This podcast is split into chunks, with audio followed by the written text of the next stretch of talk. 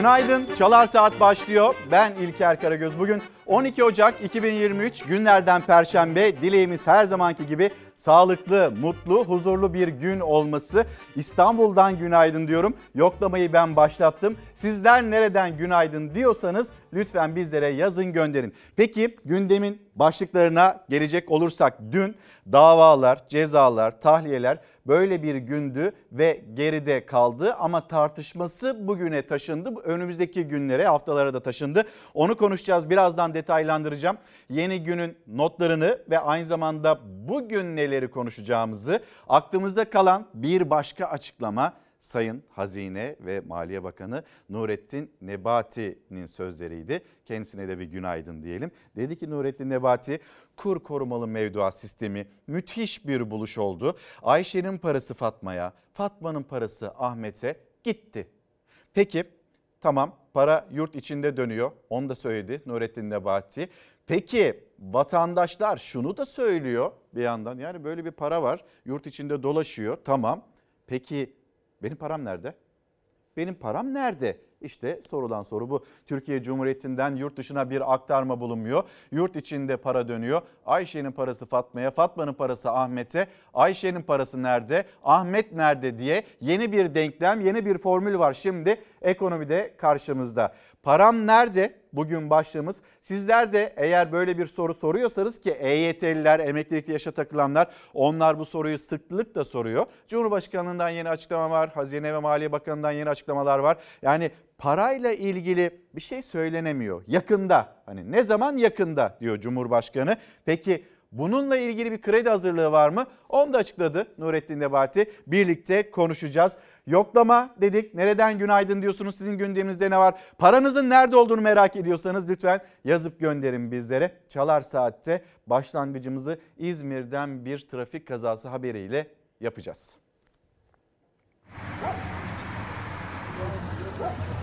Direksiyon hakimiyetini kaybetti, park halindeki tırın dorsesine çarptı. Dorsenin altına giren otomobilin içinde sıkışan sürücü yaşamını yitirdi.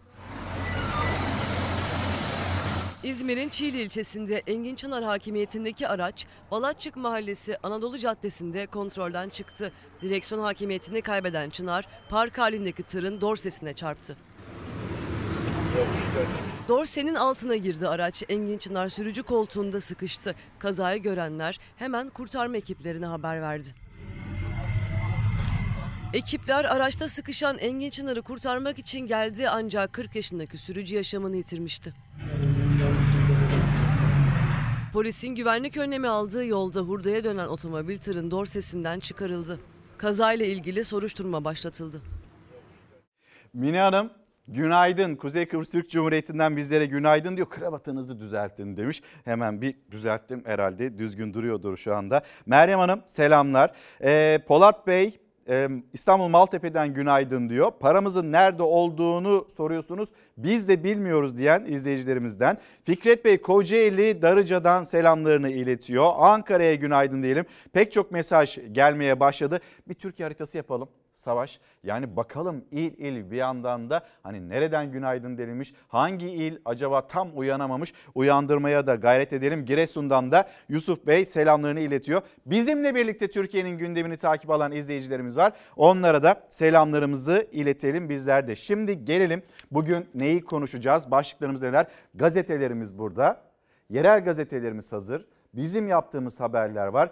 Dünkü açıklamalar, bugüne taşınan tartışmaları param nerede sorusu. Ayşe'nin parası Fatma'ya gitti. Fatma'nın parası Ahmet'e gitti. Ahmet'in nerede olduğunu bilmiyoruz. Ayşe'nin parası nerede? Ondan da çok emin değiliz. O da parasını bulamıyor. O yüzden de soruyoruz param nerede diye. Ee, Şebnem Korur Fincancı 2 yıl 8 ay 15 gün ceza verildi ve tahliye edildi dün. Ekrem İmamoğlu'na bir davada açıldı 7-8 yıl öncesine doğru gerileyen bir süreç var şu anda. Beylikdüzü Belediye Başkanlığı döneminden Ekrem İmamoğlu'nun akşam saatlerinde yaptığı açıklamalar var. CHP İl Başkanı İstanbul İl Başkanı Canan Kaftancıoğlu İletişim Başkanı Fahrettin Altun'a hakaret suçlamasından beraat etti. Sonra iki milletvekilinin dokunulmazlık dosyası. 7760 dosya içinden iki milletvekilinin dosyası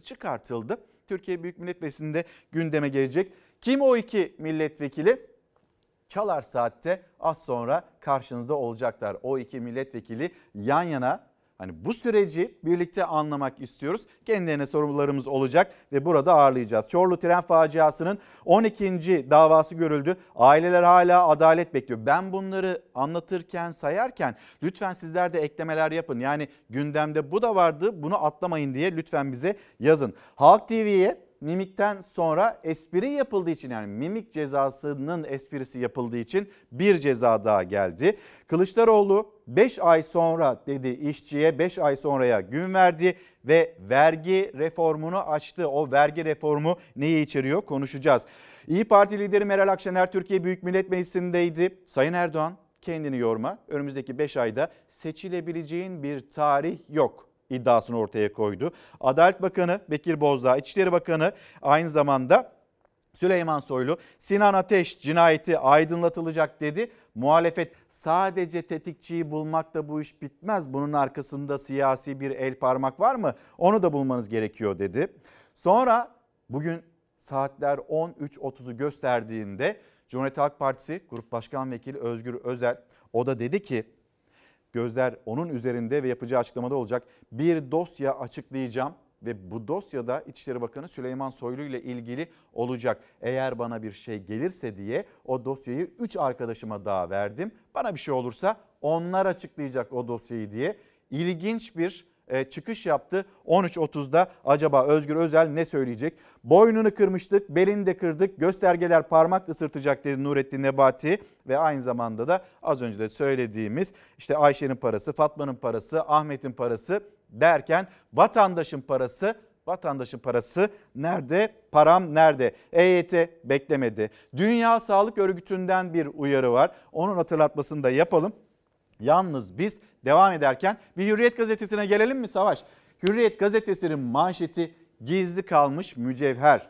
Motosikletli kurye Muharrem Can İncir 19 yaşındaymış Muharrem Can İncir sipariş götürdüğü otelde piyanoyla Mozart'ın Türk Marşı'nı çalınca Türkiye'nin konuştuğu adam haline geldi. Ünlü sanatçılar, vatandaşlar kurye piyaniste destek için sıraya girdi. Hadi tanışalım o kurye piyanist kimmiş, hayalleri neymiş ve bize hatırlattığı umut her zaman vardır.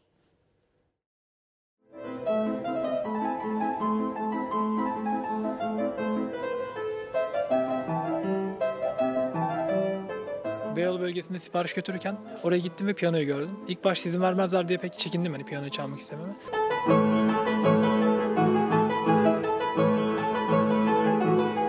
İkinci günde sipariş çıktığında piyano çalmak istedim dedim. Ve bana e, izin verdiler. Birden sonra gelebilirsiniz dediler. Ben gitmedim çünkü iş vardı. İlk siparişte değil, ilk izin aldığı gün değil ancak işi bittiğinde oturdu o çok beğendiği piyanonun başına. Sipariş teslim ettiği otelin lobisinde o an orada olanları sonra tüm Türkiye'yi kendine hayran bıraktı. O genç gündüz kuryelik yapan, akşam üniversitedeki derslerine yetişmeye çalışan 19 yaşındaki Muharrem Can İncir. Piyano almak için, hani güzel bir piyano almak için bu işe girmiştim. Ben hayallerimi gerçekleştirmek için bu işe girdim. Bu kadar hızlı gerçekleştireceğimi gerçekten düşünemiyordum.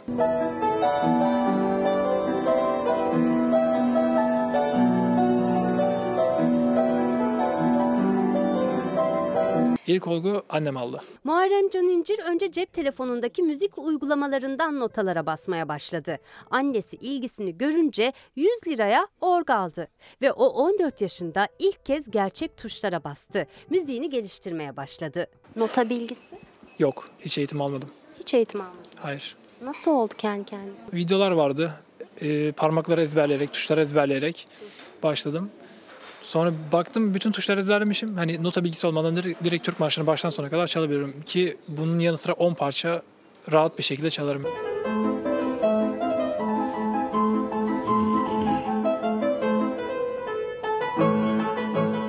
5 yılda kendi kendine geldiği seviyeyi tüm Türkiye bu videoyla gördü. Sırtında çalıştığı şirketin kurye ceketiyle Türk marşını çaldığı videosu defalarca paylaşıldı, milyonlara ulaştı.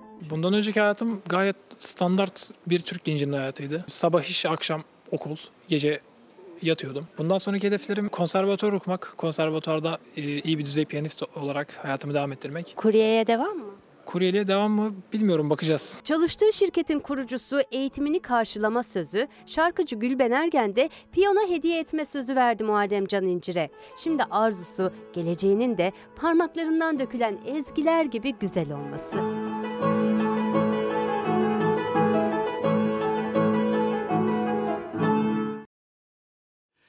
Yusuf Bey günaydın. Frankfurt'a sevgilerimizi gönderelim bizler de. Acaba orada Frankfurt'ta geçim nasıl? Raflar dolu mu? Yusuf Bey onu da bize yazıp gönderirseniz seviniriz.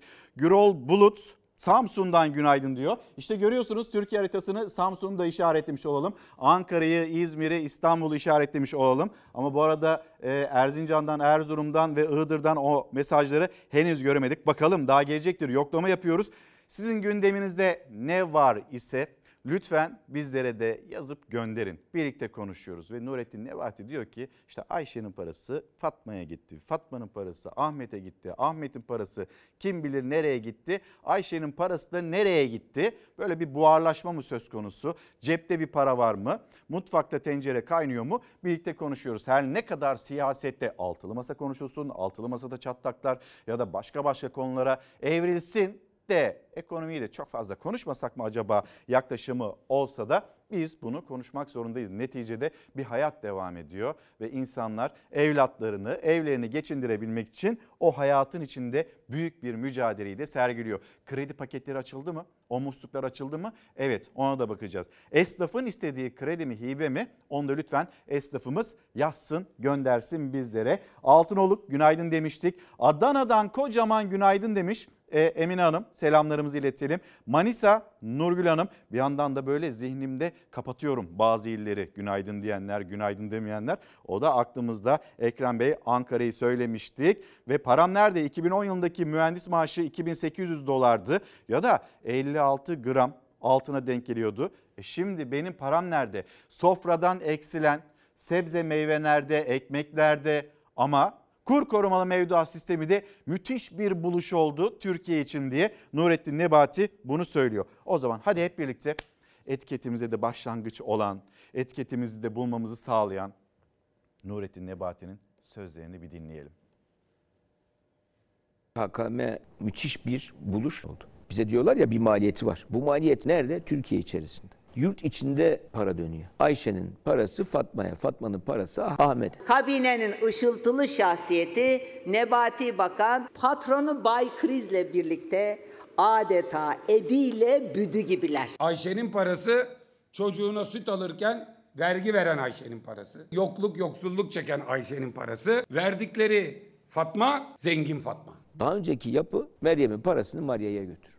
85 milyon iliğine kadar vergi veriyor. Bu övünecek bir şey değil. Bu utanılacak bir şey. Geçen yıl Türkiye Cumhuriyeti hazinesine 95 milyar lira gibi rahat bir şekilde karşılanabilecek bir maliyete sebep olmuştur. Millete yutturmaya çalışıyor. Halbuki durum öyle değil. Bunun hem Merkez Bankası'na hem hazineye maliyeti 200 milyar liranın üzerinde oldu. Faydası maliyetin çok çok üzerinde olan bir uygulamadır. Türkiye ekonomisini bu kadar olumlu etkileyeceğini kimse tahmin edemezdi. Müthiş bir buluştu. Türkiye'nin o buhranlı, sıkıntılı, zor dönemlerinde uygulamak zorunda kaldığı bir enstrümanı 2021 yılında uygulanmış bir hükümetle karşı karşıyayız. Türkiye için tekrar yine bir facia.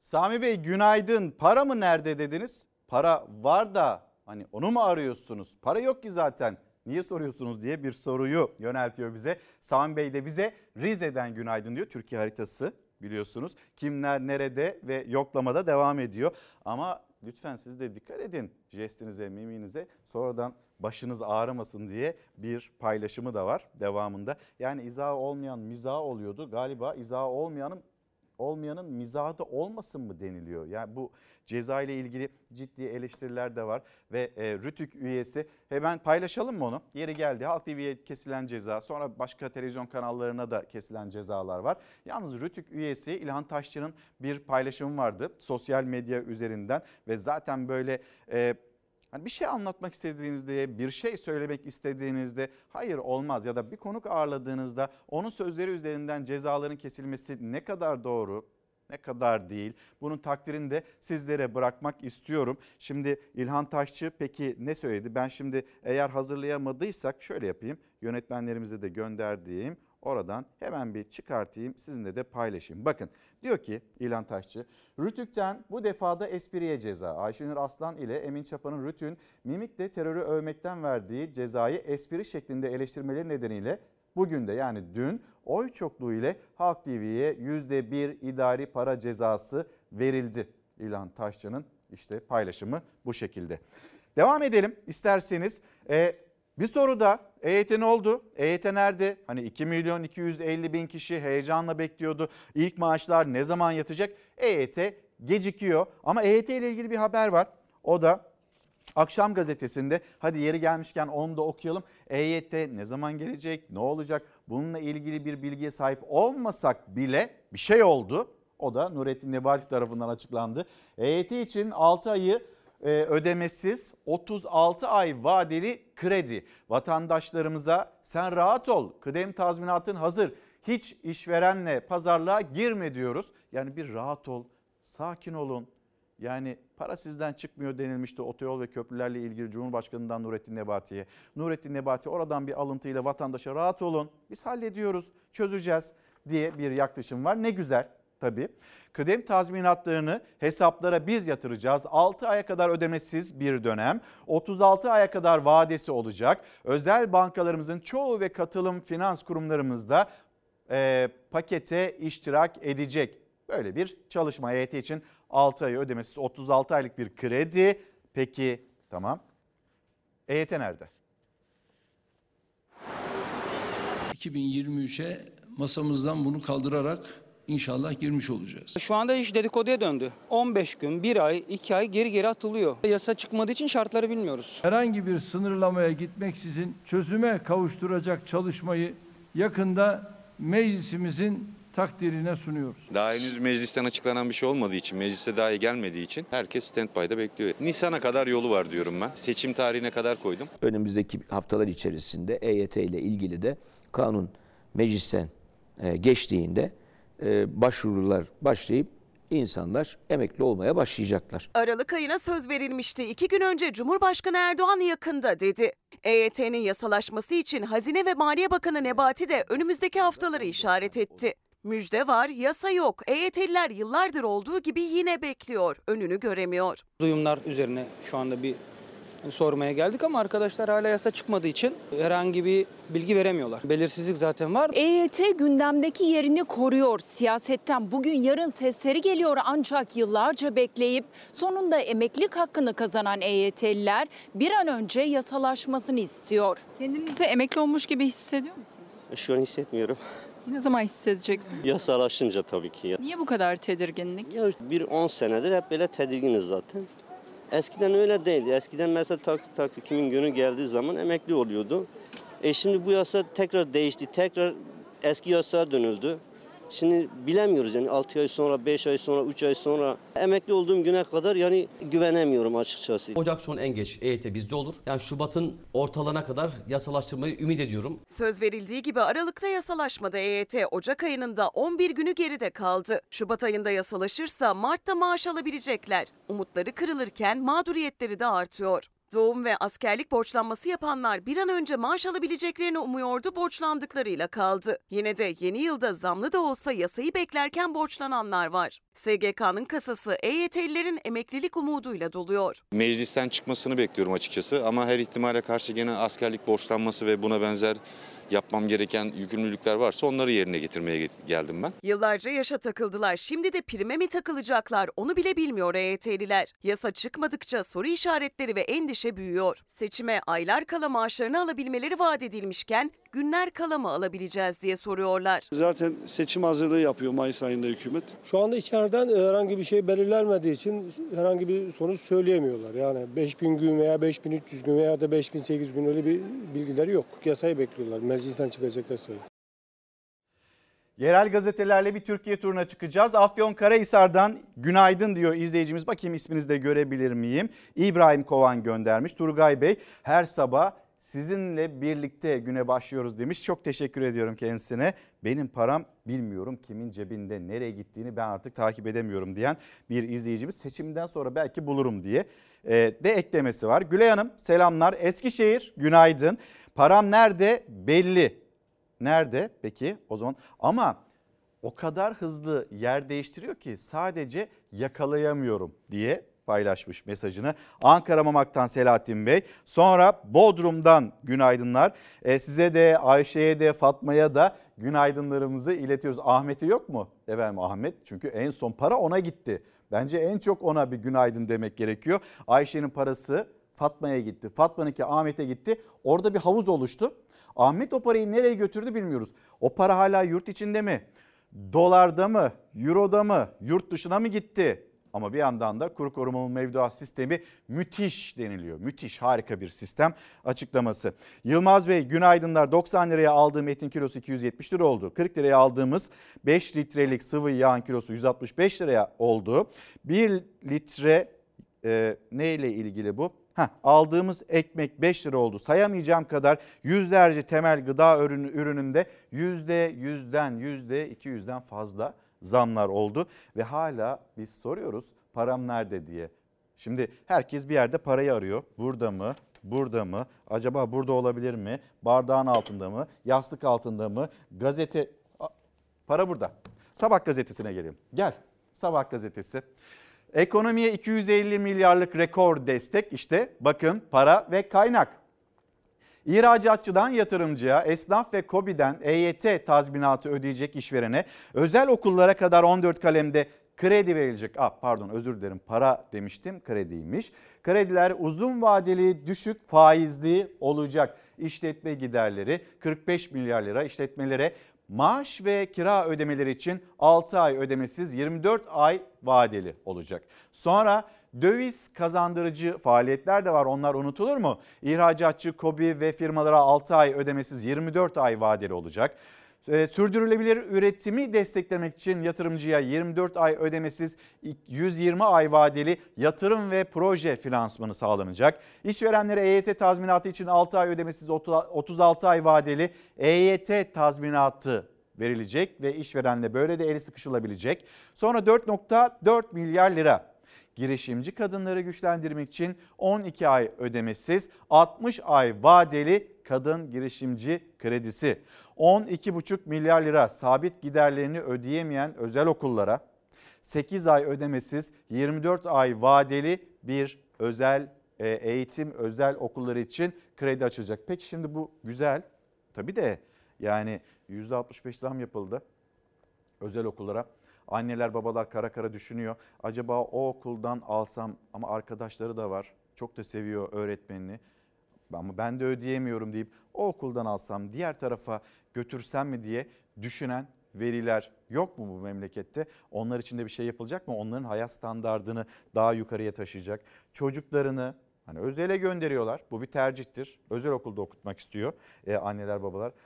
Bir yandan da bu pahalılıkla onları baş başa mı bırakacak sistem? Soralım. Param nerede? Bugün başlığımız. Yoklama derken anneler babalar çocuklarınızı özel okula yazdırdıysanız ya da yeni bir kayıt dönemi işte artık başladı önümüzdeki günlerde de bir kaygınız var mı? Bizimle paylaşır mısınız? Oradan da nereye gidelim? Emeklerimize gidelim. Yerel gazetelerle birlikte Kocaeli'ye gidiyoruz. Emeklinin maaşı 20 yılda eridi. Param nerede? Eridi yani kalmadı. En düşük emekli maaşı 2003 yılında 332 lirayken asgari ücretten %47 fazlaydı. Bugünse 8506 liraya yükselirken asgari ücret emekli maaşından %45 daha fazla. Savaş emeklerimizle ilgili haberimiz var. İstersen onu da hazırlayalım, paylaşalım. %30 zam alan emeklinin maaşı 20 yılda kademe kademe eridi. Yani Ayşe Hanım'ın parası gitti Fatma Hanım'a. Fatma Hanım'dan Ahmet Bey'e gitti. Ahmet Bey'den Hüseyin Bey'e gitti mi ya da Ahmet Bey'den farklı bir yere mi gitti? Ahmet Bey bunu nereye götürdü bilmiyoruz. Emekli diyor ki benim maaşım eridi. Benim param nerede? Yani her şey bu kadar müthişken ve müthişse krediler de böyle bu kadar güzel bir şekilde verilebiliyorsa ki o da nasıl oluyorsa nasıl verilebildiyse bir süredir verilmiyordu da birden kredi muslukları açılıverdi. Yoksa bunların hepsinin seçimle bir ilgisi var mı? Bir yazıp gönderir misiniz param nerede derken? Emeklerimizin sesini duyalım birlikte. Emekliyiz, haklıyız, kazanacağız. Ranta değil, emekçiye alım gücünüz düştüyse diyor bize oy vermeyin diyor. Defalarca söyledik. Ancak muhataplarına sesimizi duyuramadık. Emekliye yaşam hakkı yoksa yönetenlere emekliden oy moy yok diyoruz. Emekliye memura %30'luk zam isyan ettirdi. Emekli de memur da meydanlara çıktı. 5500 liraya çıkarılsa da en düşük emekli maaşı asgari ücretin çok altında kaldı yine. Muhalefet en düşük maaş en az asgari ücret kadar olsun diye teklif verdi. O teklifte bayram ikramiyelerine zam teklifi de AK Parti ve MHP oylarıyla reddedildi. İktidarın hazırladığı memur ve emekliye %30 maaş artışını ve en düşük emekli maaşının 5500 liraya çıkmasını içeren kanun teklifi Türkiye Büyük Millet Meclisi Genel Kurulu'nda kabul edildi yasalaştı. Emeklilerse dün %30 zam yetmez demek için yine sokaktaydı. Bizi yönetenlere daha doğrusu yönetemeyenlere sesimizi duyurana kadar sürekli soğuk demeyeceğiz, kar demeyeceğiz, kış demeyeceğiz. İstediğimizi alana kadar biz alanlardayız, meydanlardayız. Emekliler zam oranları açıklanmadan önce her hafta eylem yapıyor. En düşük emekli ücretinin asgari ücret kadar olmasını istiyordu ama olmadı. Onlar da yine eylem yapmaya devam ediyor. Zam oranını duyunca zaten çok bir şey beklemiyorum ama gerçekten bu kadar da olmaz dedirtecek bir zam oranı. Çünkü ben ne açlık sınırının altındayım ne yoksulluk sınırının altındayım. Ben bir hiçim yani bu hükümetin gözünde. Emekliyi yok sayanları biz emekliler de yok sayacağız. Alım güçlerinin 21 yılda nasıl eridiğini İstanbul Kartal'daki eylemde tek tek anlattı emekliler. Bu 2002'de alınan maaşla emekli maaşıyla alınan altınlarımız bu kadar alıyorduk ve şimdi 2023'e geldiğimizde aldığımız altın bu emekli maaşıyla onu da alamıyoruz artık ama yemesek onu alıyoruz. Ama yersek bu da yok. 13 tane. 20 senede 10'unu yemişiz. Bitmiş 3 tane kalmış. 10 altın eksik şimdi. 10 altın yok. Kardeşimin oğlunun düğününe gittim ben hala parasını ödüyorum krediyle.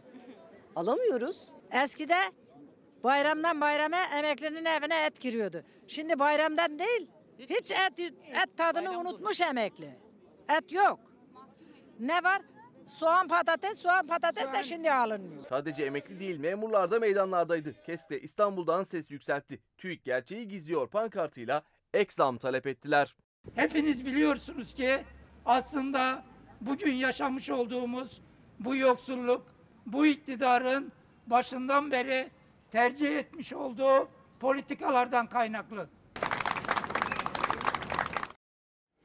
Hürriyet gazetesini tamamlayalım. Hürriyet gazetesinde cep telefonu ile ilgili bir düzenlemenin haberi var. Hemen aktaralım. Vade sınırı uygulanacak cep telefonlarında rakam yeniden belirlendi. Limiti 5 bin liradan 12 bin liraya çıkarıldı. 12 bin liranın üzerindeki cep telefonları için alınacak kredilere en fazla 3 taksit uygulanacak bir bilgi. Yeni Çağ Gazetesi manşetine gelelim ve manşette İyi Parti lideri Meral Akşener, Meral Akşener'in sözleri var. Dünya Sağlık Örgütü'nün maske haberi ve de uyarısı var ama öncesinde Savaş istersen burada seçimle ilgili Meral Akşener, muhalefet nasıl bir rest ortaya koydu? O iki haberin yerini değiştirelim. Seçim tarihi yaklaştıkça iktidarın seçimleri erken almak için çırpınmaya başladığını söyleyen İyi Parti lideri Akşener hiç kendini yorma Erdoğan. Önümüzdeki 5 ayda senin seçilebileceğin herhangi bir tarih yok diye seslendi. Bu haberin sesini şimdi duyacaksınız. Fakat günaydın diyen ve e, sorunlarını anlatan izleyicilerimiz de var. Yoklamaya dahil olup hem Twitter'dan hem de Instagram'dan başlığımızı görüyorsunuz sizler de. E, staj, stajla ilgili sesini duyurmaya çalışanlar staj süreleri emeklilikten sayılmalıdır. Staj, çıraklık, SGK girişi sayılmalıdır. Unutmadan hemen bir paylaşmış olalım pek çok izleyicimizden benzer bir mesaj geliyor. Kazım Bey günaydınlar. 32 yıllık esnafım.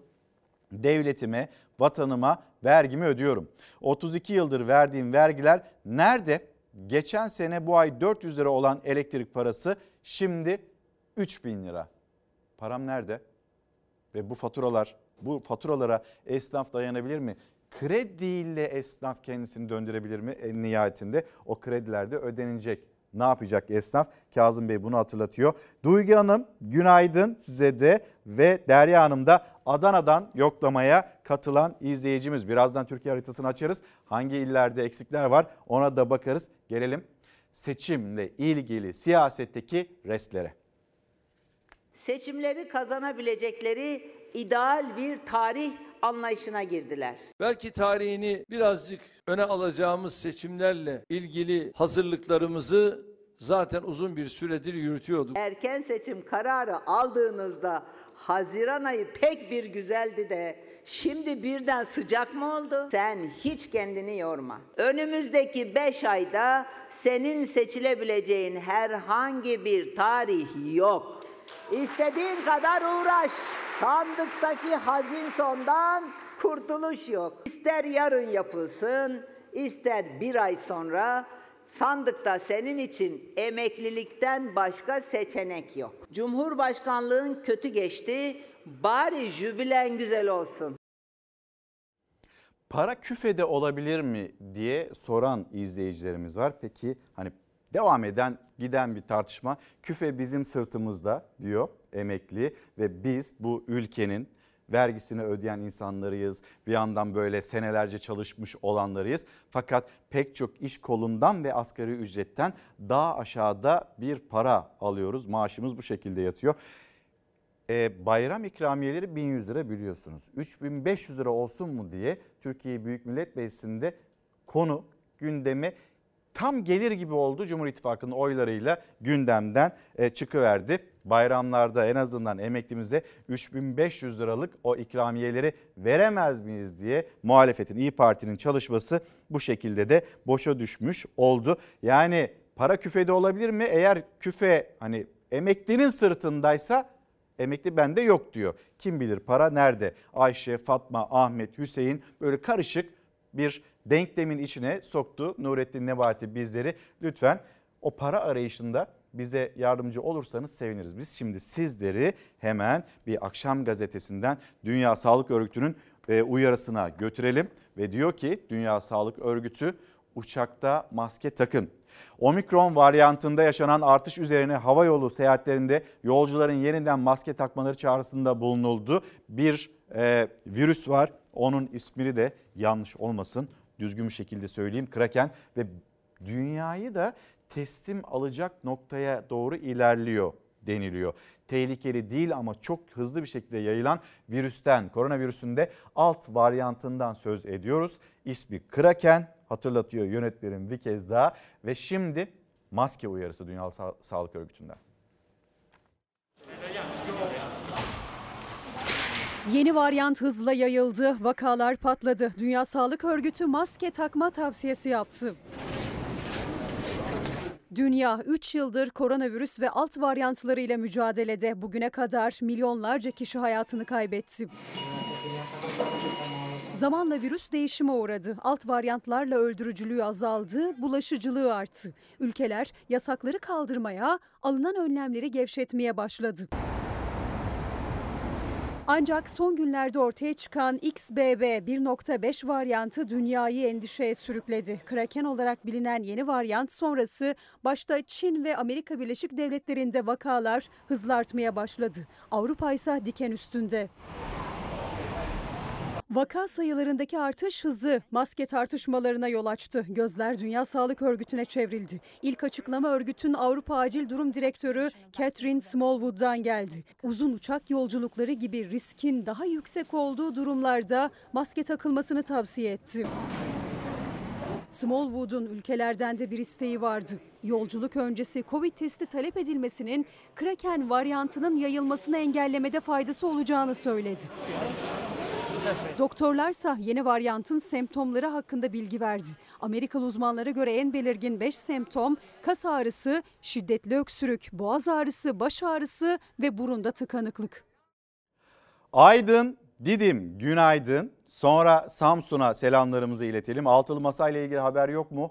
Olmaz mı? Yani Sabah gazetesinde farklı bir değerlendirme, diğer gazetelerde farklı bir değerlendirme. Altılı Masa'ya bakacağız. Bir vesayet tartışması devam etsin. Davutoğlu'nun sözleri üzerinden. Hatta okuyalım mı onu? Gazete Pencere'den Savaş. Bir gazete pencereye bakalım. Zaten e, manşette de yer alan bir haberdi. Hemen getirelim ekranlarınıza.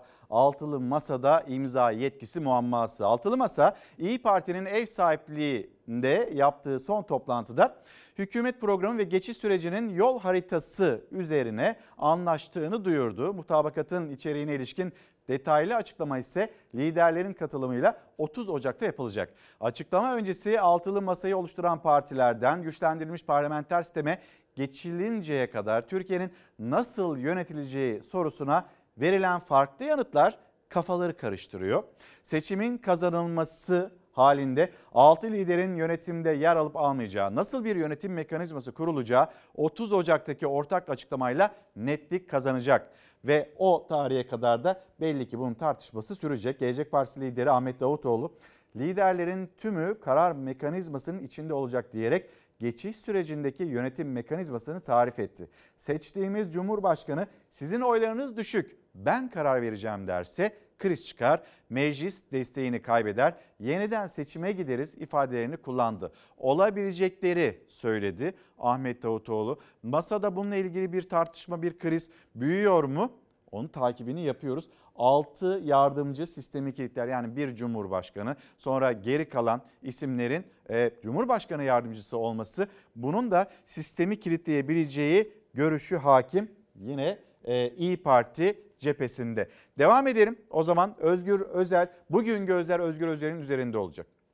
İçişleri Bakanı Süleyman Soylu ile ilgili bir dosya açıklayacağını söyledi ve yarını bekle diye bir rest ortaya koydu Özgür Özel. Hemen bir dinleyelim. Ama Süleyman Soylu sen yarını bekle. Yarın burada bir dosya açıklanacak. Bir büyük dosya. Yarın burada Süleyman Soylu'nun cevap vermesi gereken, cevabından kaçamayacağı, yine kimyasının bozulacağı bir dosya hazırlanacak. Böyle açıklamalar bu dönemlerde riskli. Kamuoyu merak etmesin. Özgür Özel yarın o dosyayı açıklayamayacak bir durumda olursa o dosyayı açıklayacak en az 3 arkadaşıma daha birer örneği teslim edildi. Bu dönemlerde bir gün sonra bir şey açıklayacağım demenin nasıl bir riski olduğunu hepimiz farkındayız. Ama bu korku iklimine teslim olmayız. Başımıza gelebilecek en kötü ihtimal için bile 3 tane tedbirimiz var. Çünkü asıl olan kişiler değil kurumlardır. Bu milletin yüksek menfaatleridir. Bu milletin yüksek menfaatlerine dokunanların ifşa edilmesi ve bu milletin kendi helal oylarıyla başından def edilmesi en önemli hedefimizdir. Ahmet Er Ozan günaydın Twitter'dan yazmış param nerede daha kaçtı diye bir yanıt veriyor kendisi. E ondan sonra da o sorular devam ediyor. Daha nerede, o nerede, bu nerede? Neticede geldiğimiz yer param nerede emekliler adına? Bu ülkenin çalışanları adına yoksul çalışanlar ülkesi olmamak için atılması gereken adımlar var. Ama vatandaş o adımları ne kadar görüyor? Çarşıya pazara gittiğinde e, çarşı pazardaki pahalılık karşısında ne yapıyorsunuz? Ne düşünüyorsunuz? Onu da yazı gönderin bize. Şimdi Uğur Bey diyor ki Yusuf Uğur düzeltiyorum.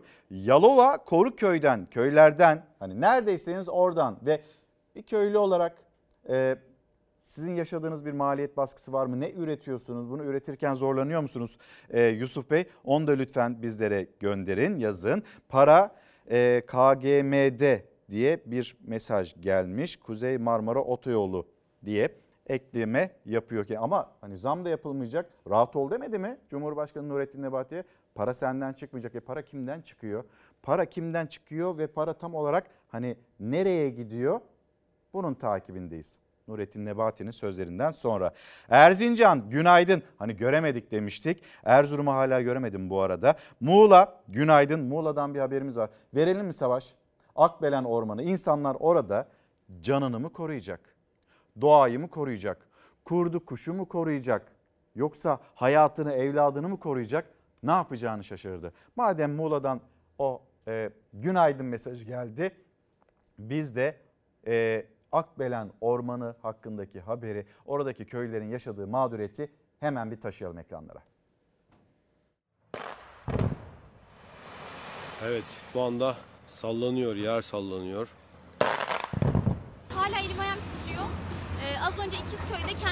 Kalkıp maden tarafına e, ne olduğuna bakmaya geldim.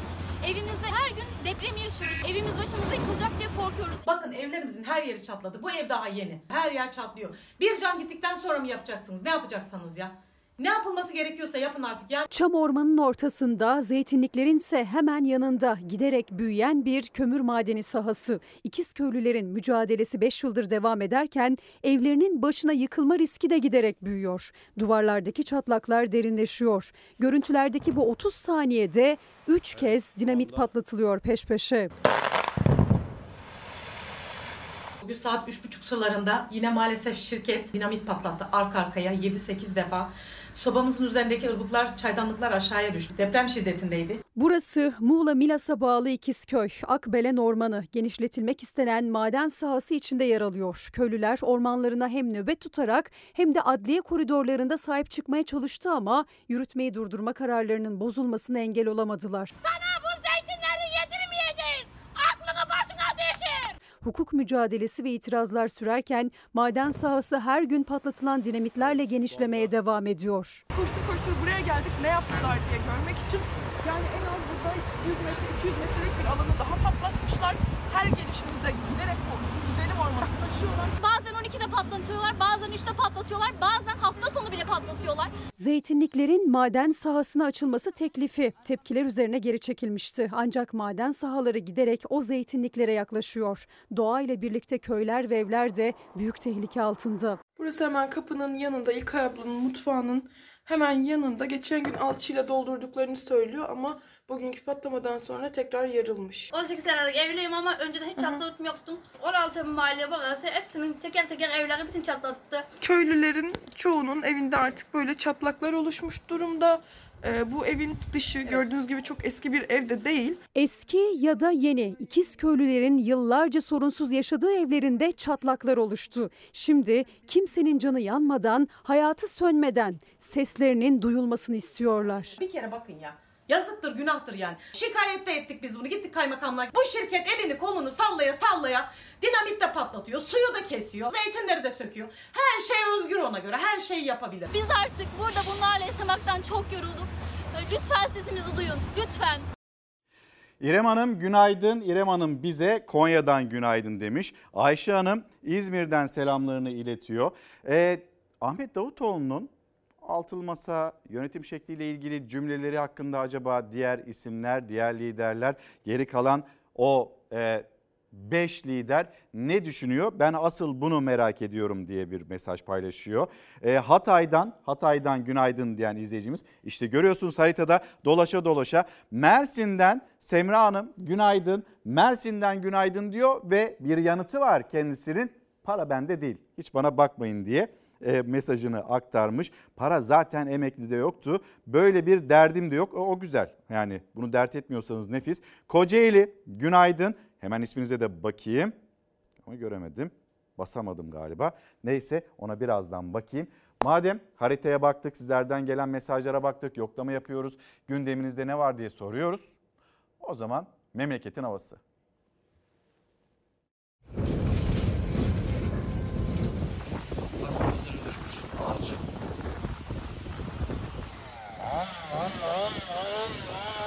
Antalya'yı kuvvetli rüzgar ve sağanak vurdu. Hızı saatte 60 kilometreyi bulan fırtınada şehrin birçok noktasında çatılar uçtu, ağaçlar devrildi. Evet arkadaşlar Mevlana Kavşağı'nda koca ağaç devrildi. Gördüğünüz gibi. Zaman zaman etkisini artıran yağmur su birikintileri oluşturunca trafikte zor anlar yaşandı. Fırtına etkisiyle oluşan dev dalgalar sahil şeridindeki işletmelerde maddi hasar oluşturdu.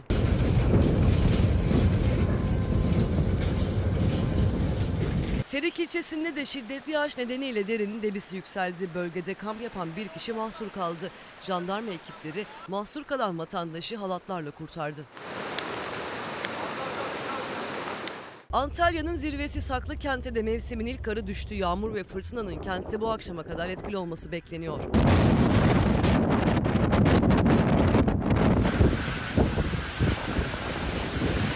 Muğla'nın Bodrum ilçesinde de benzer görüntüler vardı. Kuvvetli sağanak nedeniyle cadde ve sokaklar göle döndü.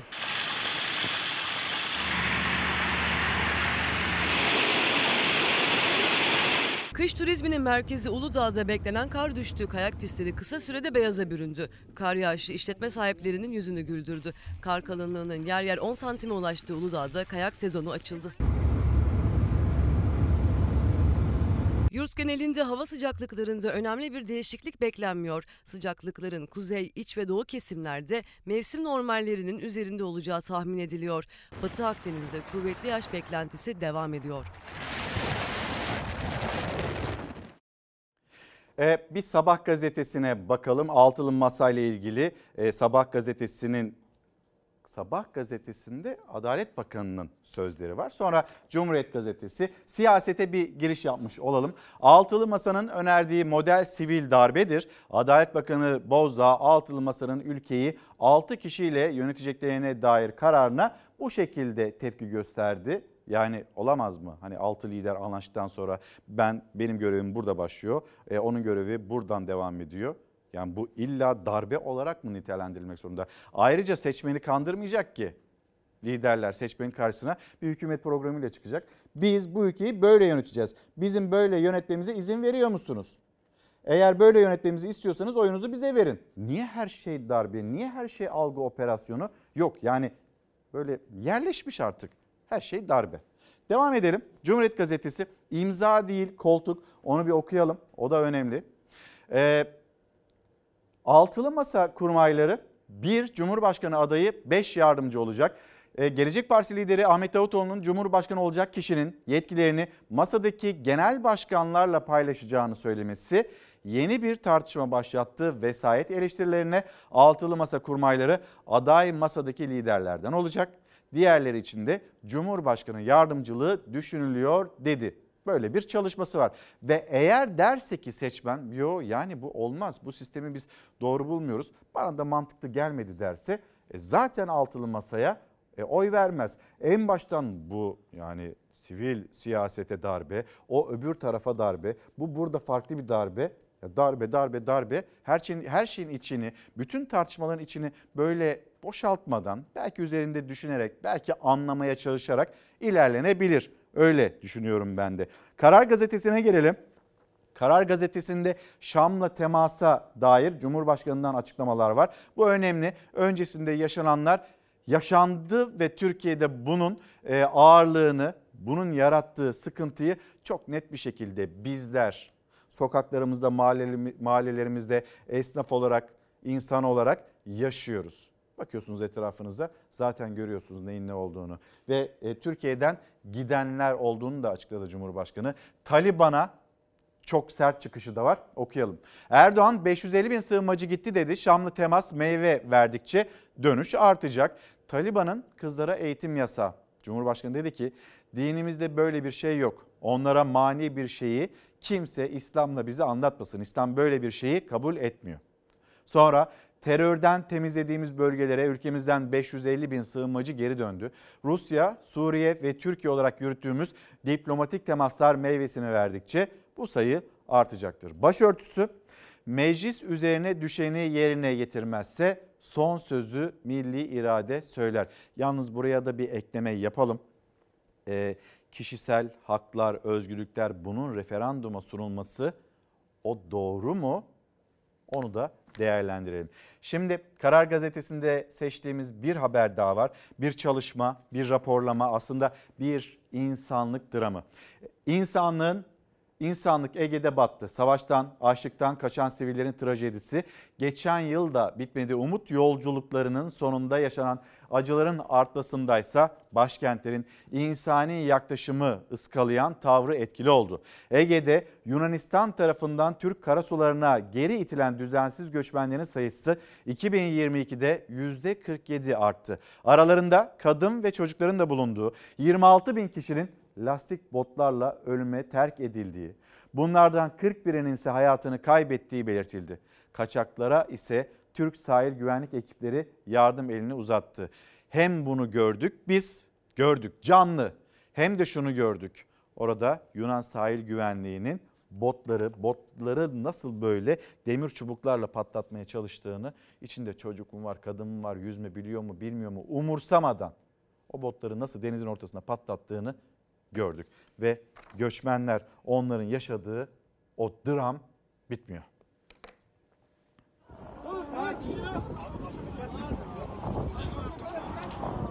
Kaçak göçmenleri taşıyordu minibüs seyir halindeyken yolda kaza yapan bir otomobile çarptı. Ardından bariyerlere. Kazada adeta can pazarı yaşandı.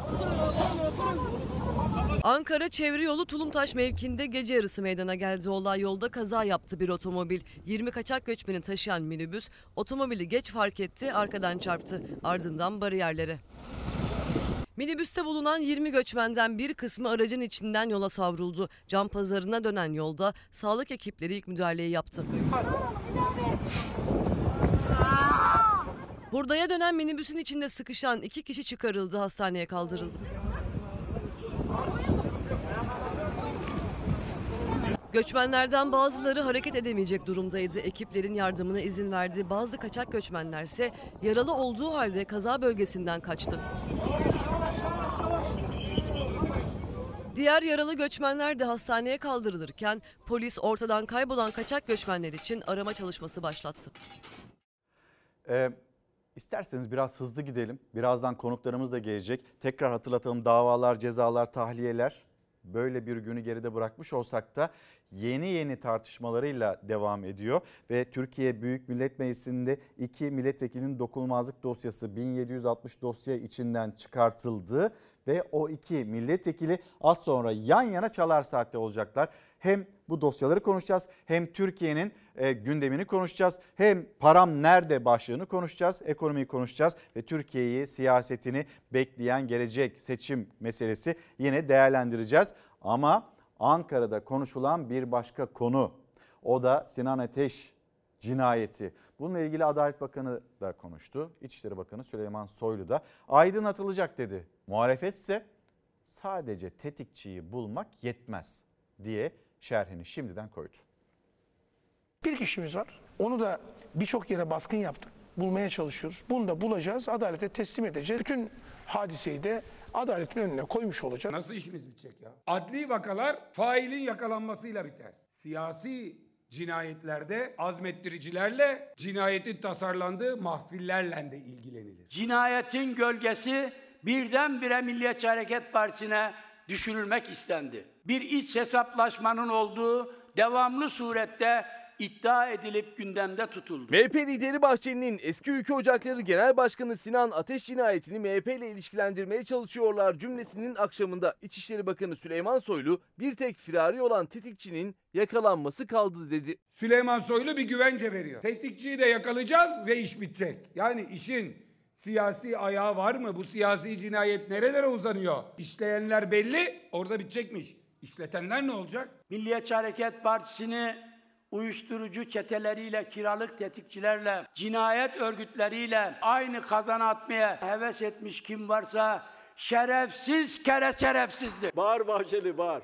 Daha çok bağırırsın. Yanında cinayeti azmettiricileri barındırıyorsun teslim edeceksin. İki polis özel harekat mensubunun bu işin içerisinde olduğunu onlar mı bulmuşlar? Kim bulmuş? Biz bulmuşuz. Sinan Ateş suikastı ile ilgili 13 kişi tutuklandı. 13 gündür yakalanamayan tetikçiyi kaçırdığı iddia edilen TD'nin cinayetten bir gün sonra MHP Mersin Milletvekili Olcay Kılavuz'un evinde gözaltına alınması suikastin siyasi ayağı tartışmasını da beraberinde getirdi. Milli İstihbarat Teşkilatı'nın Cumhurbaşkanı'na Sinan Ateş suikastine ilişkin sunduğu raporda MHP ile ülke ocakları arasında sıkıntılı bir süreç yaşandığı iddiasının yer aldığı da kamuoyuna yansıdı. Devlet Bahçeli ismi geçen partililere sahip çıktı. Soylu da Bahçeli'nin sözlerine. Tek başıma da kalsa davayı çiğnetmeyeceğim. Tek bir ülküdaşımı ezdirmeyeceğim. Sonu ölüm de olsa surda gerik açtırmayacağım. Hiçbir evladımı teslim etmem lafı başka. Ya o evladım bir suçun parçasıysa, azmettiriciyse. Bu iddiaları ortaya koyanların tamamı bir siyasi rövanşizm içerisinde bunu gerçekleştirmeye çalışıyorlar. Sayın Bahçeli de bugün konuşmasında bunu ortaya koydu. Karın ağrısı çekenlere, bir cinayet üzerinden siyasi kurgu yapanlara tekrar haykırıyorum ki adayımız belli, kararımız nettir. Cumhurbaşkanı adayımız Sayın Recep Tayyip Erdoğan'dır. MİT raporu sunulmuş Cumhurbaşkanı'na. Şüphesiz ki beyefendiyi rahatsız edecek, sıkıntıya sokacak dünya kadar bağlantı var. Dünya kadar fotoğraf var. Bir muhtıra devletin başına ittifak ortağından tehdit etmeyi bilen bir dille çok usturuplu bir şekilde yazılmış. Karanlıkta kalan hiçbir yön e, olmayacaktır ve konu her yönüyle aydınlatılacaktır. Adalet Bakanı cinayet her yönüyle aydınlatılacak derken CHP suikastin siyasi ayağı olduğu iddiasında ana muhalefet Bahçeli'nin cinayetle ilgili cümlelerini Erdoğan'ın adaylığıyla bitirmesinin Beştepe'ye açık tehdit olduğunu söyledi. Bahçeli'nin sahip çıktığı Mersin Milletvekili Olcay Kılavuz'un aynı gün MHP liderini ziyareti de dikkat çekti. Efendim yoklamaya devam edelim. Berker Tuğba Cankurt onlar hastane odasından yoklama veriyor ve diyorlar ki Eliz'i bekliyorduk uzun süredir. Eliz geliyor ve biz Eliz'i beklerken bir yandan da sizi izliyoruz. Hem günaydın diyelim hem de sağlıkla gelsin. Eliz'in e, Eliz, Eliz sağlıkla gelsin diyelim. Ve bütün çocuklarımız onlar iyi olsun, onlar için bu hayat güzel olsun diye zaten mücadele bu kadar e, herkesin çabalaması, bu kadar herkesin mücadele etmesi, çalışması. Elis hadi bakalım. Bekliyoruz heyecanla. Bize fotoğraf da gönderin. Ee, Karadeniz e, Ereğli'den, Zonguldak Karadeniz Ereğli'den günaydın diyorum. Emekli maaşlarından hiç memnun kalmadık. En düşük 5500 lira deniliyor. Ama ben o kadar bile almıyorum. Zaten önümüzdeki günlerde alınacak. Çorlu'dan günaydın. Hani yoklama devam ediyor. Çorlu'dan da ne deniliyor? Param nerede? Bugün özel okulumuzun fiyatları açıklanacak. Heyecanlı bir bekleyiş var o zaman Figen Hanım. Sizde de durum öyle mi? Figen Hanımlardaki gibi mi? Ya da sizin okullarda açıklandı da karşınıza ne kadarlık bir pahalılık zam çıktı?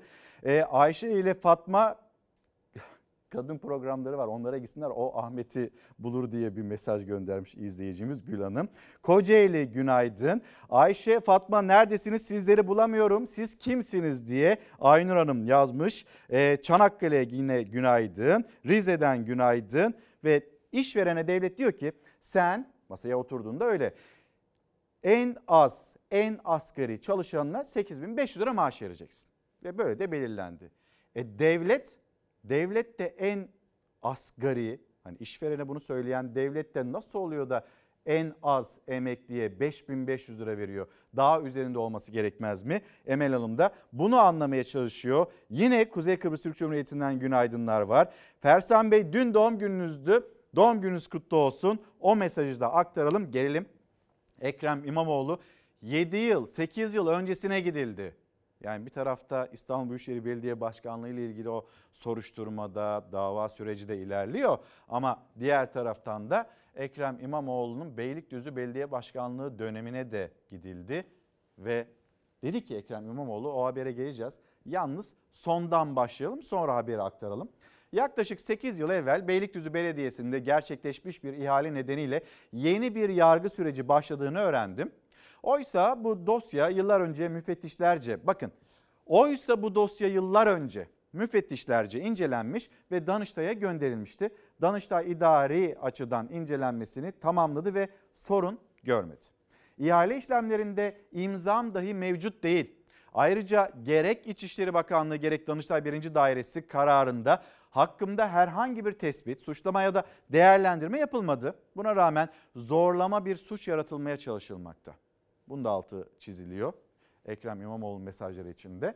Hakkımızda illa bir şey bulmak isteyenler şimdi konuyu yargıya taşımış. Her ne hikmetse iki yıldır savcılıkta bekleyen dosya bir anda davaya dönüşmüş.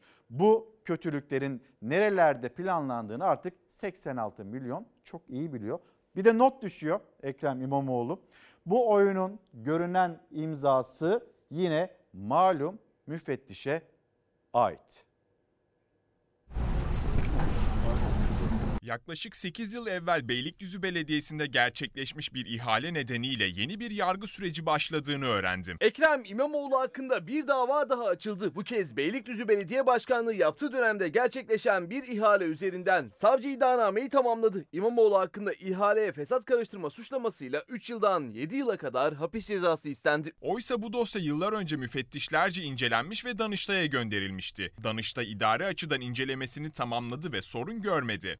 2015 yılında Ekrem İmamoğlu'nun Beylikdüzü Belediye Başkanlığı yaptığı dönemde gerçekleşen bir ihale hakkında daha önce inceleme yapılmıştı. İçişleri Bakanlığı müfettişleri bir kez daha o ihaleyi inceledi. Hazırladığı raporu savcılığa gönderdi. İhale işlemlerinde imzam dahi mevcut değil. Ayrıca gerek İçişleri Bakanlığı gerek Danıştay 1. Dairesi kararında hakkımda herhangi bir tespit, suçlama ya da değerlendirme yapılmadı. Buna rağmen zorlama bir suç yaratılmaya çalışılmakta. Büyükçekmece Cumhuriyet Başsavcılığı soruşturmasını tamamladı. İmamoğlu'nun da aralarında bulunduğu 7 kişi için ihaleye fesat karıştırma suçlamasıyla 3 yıldan 7 yıla kadar hapis cezası istemiyle iddianame düzenlendi. Hakkımızda illa bir şey bulmak isteyenler şimdi konuyu yargıya taşımış.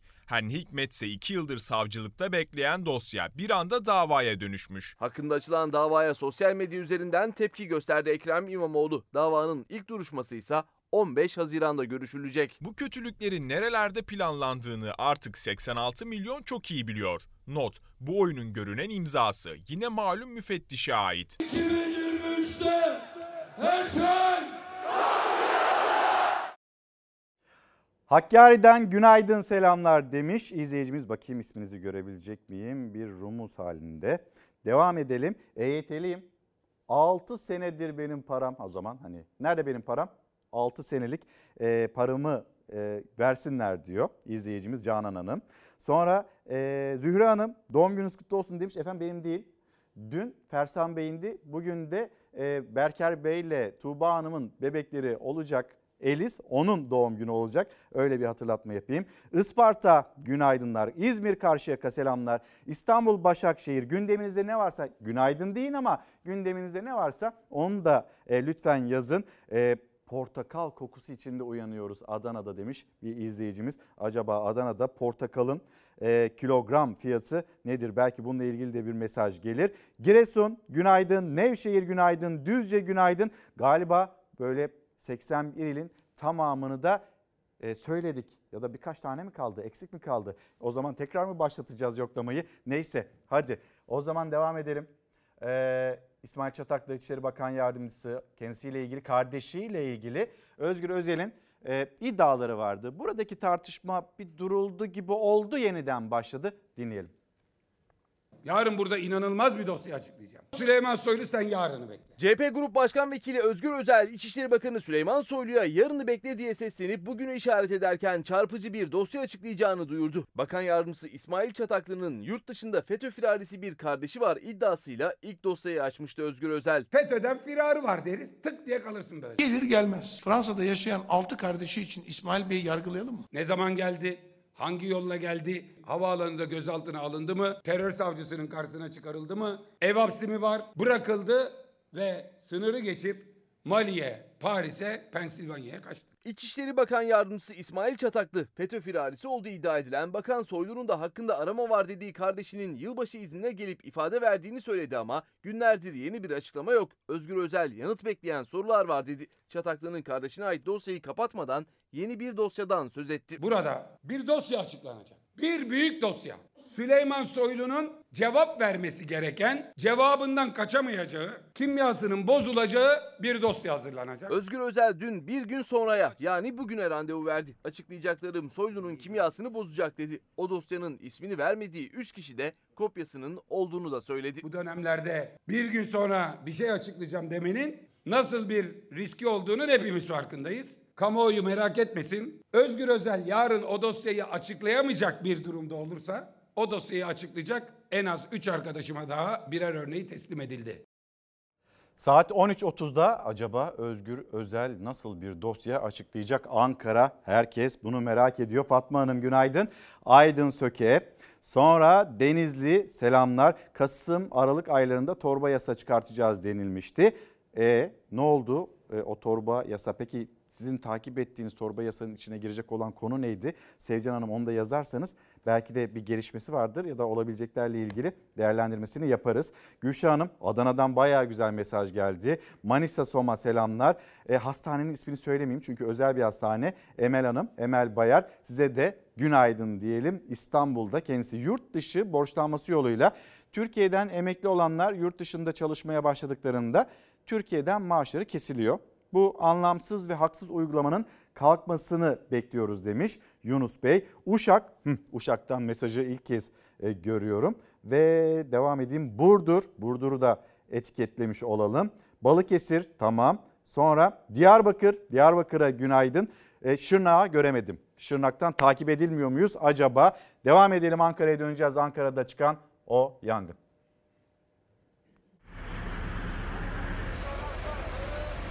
Önce şiddetli patlama oldu ardından alevler hızla fabrikayı sardı. Üç katlı bina alev alev yanarken iki kişi yaralandı. Çok büyük patlama oldu. Ankara'nın Kahramankazan ilçesinde Sarayken Sanayi Sitesi'nde bir fabrikada patlama meydana geldi. Ortalığı savaş alanına döndürdü patlama. Fabrikada çok sayıda yanıcı parlayıcı madde vardı. Yangın tüm fabrikayı sardı. Olay yerine çok sayıda itfaiye ve ambulans ekibi geldi. Alevler fabrikada göçük oluşturmuştu. O göçüğün altında iki kişi vardı. Göçük altında kalan iki kişi itfaiye ekipleri tarafından kurtarıldı. Yaralı vatandaşlara ilk müdahale olay yerinde yapıldı. Ardından hastaneye kaldırıldılar. Güçlü bir patlama, e, komşu ilçelerden de hissedilen bir patlamaydı bu patlama.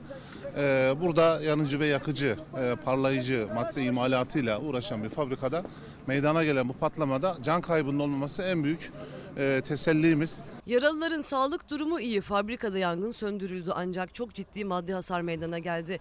Patlamanın şiddetiyle çevre fabrikalarda da maddi hasar oluştu. Gülşen Hanım günaydın. Artvin Borçkaya da günaydın. Ergin Koç da sanayi şehri Gebze'den günaydın. 2000 sonrası SGK'lılar kademeli emeklilik istiyorlar. Bununla ilgili bir adım, bir düzenleme bekliyorlar. Hatırlatalım. Sonra Dilek Hanım yazmış Adana'da portakalın kilosu 10 lira. Her şey güzel olacak diye e, aktarmış mesajını. Ankara'da 20 lira 25 lira ya da siz kendi şehrinizde Adana'da 10 lira olduğunu öğrendik sağ olsun Dilek Hanım tarafından. Sizin oralarda ne kadar portakal bir yazın bize ulaştırın.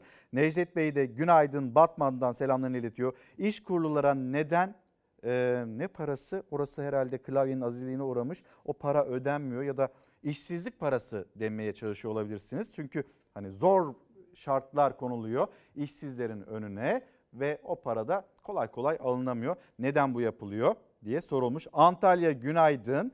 Ee, paramız nerede? Biz de onu zaten sürekli soruyoruz diyor izleyicilerimiz. Şimdi geri gelelim. İzmir'e, İzmir'den güzel bir haber paylaşacağız.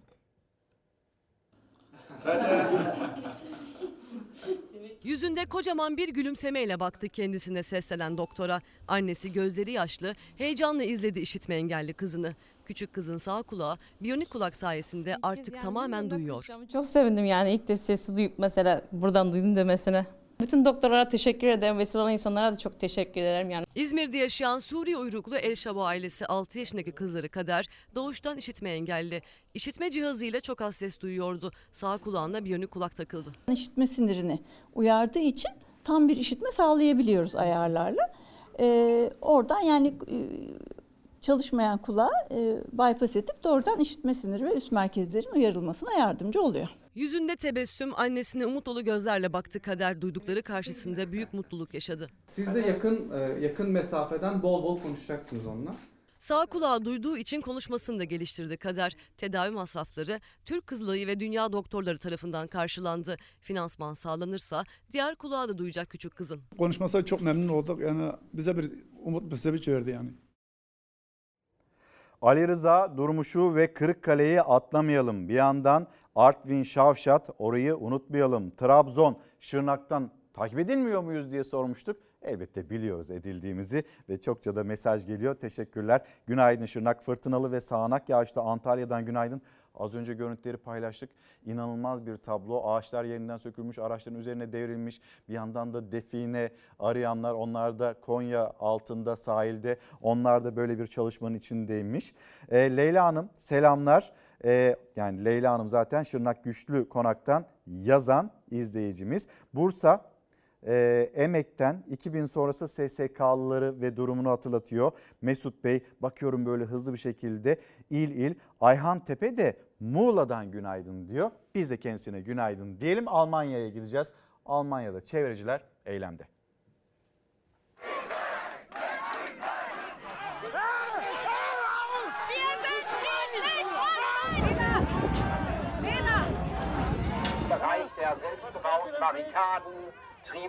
Kömür madeninin genişletilmesine karşı çıkan çevreciler köye kamp kurdu. Alman polisi eylemcileri tahliye etmeye çalışınca arbede yaşandı.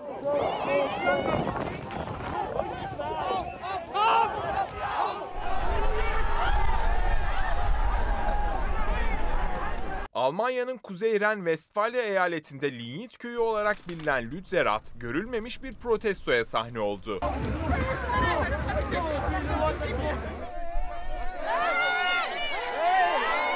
Bir maden şirketi enerji krizini gerekçe gösterdi. Bölgedeki kömür madenini genişletmek için köyü yıkma kararı aldı. Karara karşı çıkan 700'e yakın çevre aktivisti köye kamp kurdu. Polise ve iş makinelerine direnmek amacıyla barikatlar hazırladı. Kendilerini ağaçlara ve tahta direklere kilitledi.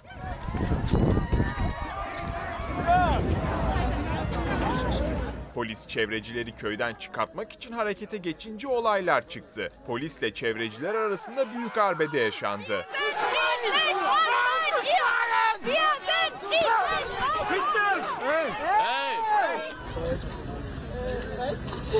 Polis olaylar üzerine göstericileri teker teker taşıyarak götürmeye çalıştı.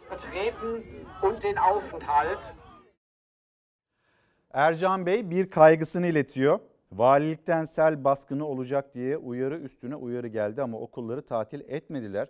Çocuklar okula gemiyle mi gidecek ve işte bir anne olarak bir baba olarak insanlar kaygılanıyor ne olacak diye. Sivas Şarkışla günaydın. Kamudaki teknikerlerin 3600'ü neden verilmiyor? Zaten pek çok kişiye verilmiyor. Az bir e, yerde veriliyor. Bodrum'da portakalın kilogram fiyatı 15 lira. Nazilli'de portakal 7,5 lira. Yine bu mesajlar onları da yakalamış olalım. Türkiye'nin gündemi aynı farkındaysanız çok fazla değişmiyor. Tartışma üstüne tartışma ekleniyor ve haberlerin başlıkları genelde aynı.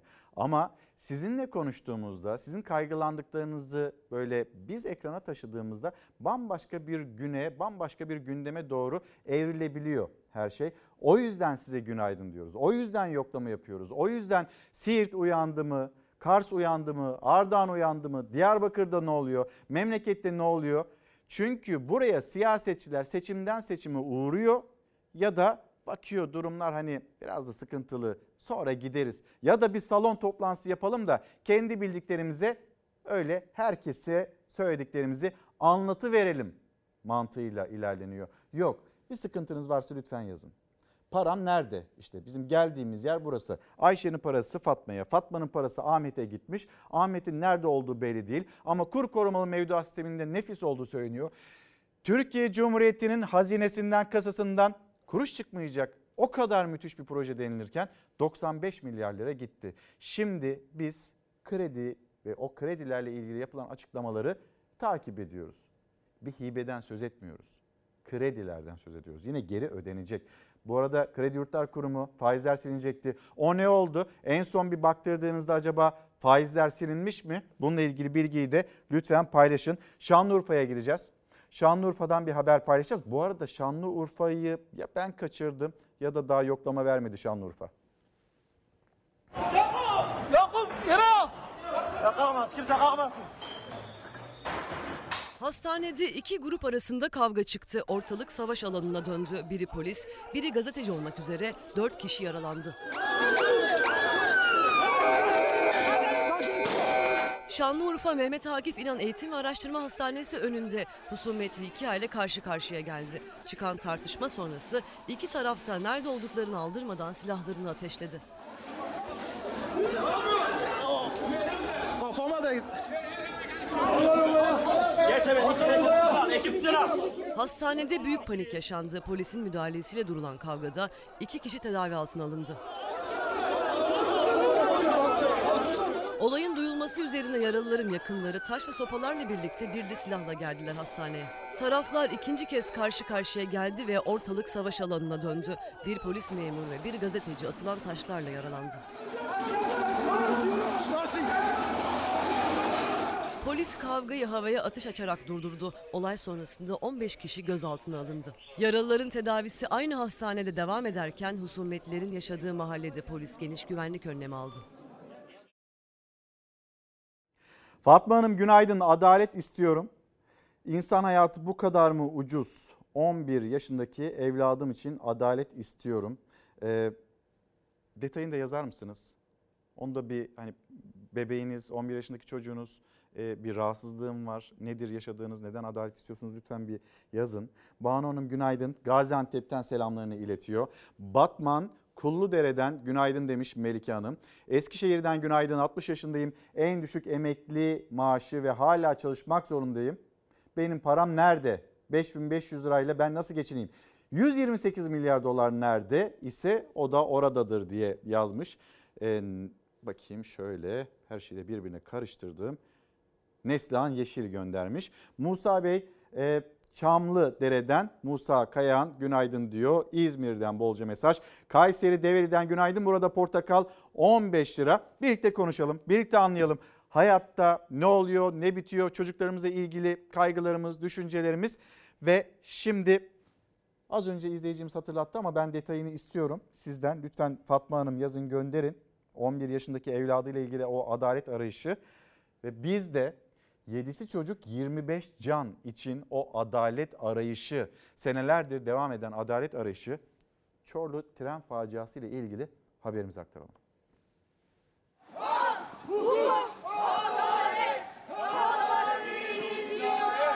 Gerçek sorumluların sorumluluğunu bilmeyerek iş yapanların neticesinde evlatlarımızı kaybettik. Vazgeçmeyeceğiz davamızdan. Adalet bir gün herkese lazım olacak. Adalet uyuyor, adalet uyumaya devam ediyor. Ama bizler burada olduğumuz sürece adalet uyandıracağız. Dört buçuk yıldır bekledikleri, mücadele ettikleri ama bir türlü göremedikleri adaleti uyandırabilmek için bir kez daha seslendi. Çorlu tren faciasında yakınlarını kaybeden aileler, 7'si çocuk 25 kişinin hayatını kaybettiği kazanın 12. duruşmasında TCDD'nin üst yönetimi çıktı hakim karşısına. Evlatlarımız bizim evlatlarımız. Eğer bugün buradaysak yarın sizin evlatlarınız mezarda olmasın diye tüm çabamız. Ellerinde yitirilen canların fotoğrafları, dillerinde adalet sloganlarıyla Çorlu tren kazasında yakınlarını kaybeden aileler davanın 12. duruşması için Çorlu Halk Eğitim Merkezi'ne doğru yürüyüşe geçti. 8 Temmuz 2018'de yağıştan altı boşalan menfezle raydan çıktı. Halkalı uzun köprü seferini yapan tren. Çorlu'daki kazada 7'si çocuk 25 kişi hayatını kaybetti. 4 yıl boyunca sadece alt düzey 4 demiryolu çalışanı yargılandı. Ailelerin ihmal iddiaları ve bilirkişi raporlarıyla TCDD 1. Bölge Üst Yönetiminden 9 kişi daha eklendi. Sanıkların tümü tutuksuz yargılanıyor. O 13 sanıktan biri de eski TCDD 1. Bölge Müdürü Nihat Aslan. Onun ve yardımcısının mahkemede söyledikleri ailelerin acısını katladı. Bölgede bana bağlı kaç yol bekçisi var hatırlamıyorum. Teknik işten anlamam. Balast tutucu duvar nedir ben bilmiyorum. Kaza olmadan evvel orada nasıl bir problem olduğunu ben bilemem. Bakım müdürünün de bilebileceğini zannetmiyorum. Bakım Servis Müdürü Mümin Karasu da bilinçli taksirle ölüme neden olma suçundan tutuklanmıştı Ekim ayında. 45 gün kaldığı cezaevinden tahliye edildi. O da mahkemede kendini savundu. Uyarmıştım dedi. Sorumluluğu diğer sanıkları yükledi. Bugün Mümin Karasu içeride bütün sanıkların işaret ettiği asıl kişi Mümin Karasu 5 yılın sonunda ilk defa yargının karşısında hesap verecek. Ben servis müdürü olarak uyarı yazılarını yazarak görevimi yerine getirmişken bilinçli taksirle yargılanıyorum. Ancak demiryolu bakım müdürü ve alt kademeler basit taksirle yargılanıyorlar. Duruşmada ara verildiği sırada gerginlik yaşandı, arbede çıktı. Bir sanık avukatı ve aileler arasında yaşanan gergin anlar kameralara yansıdı.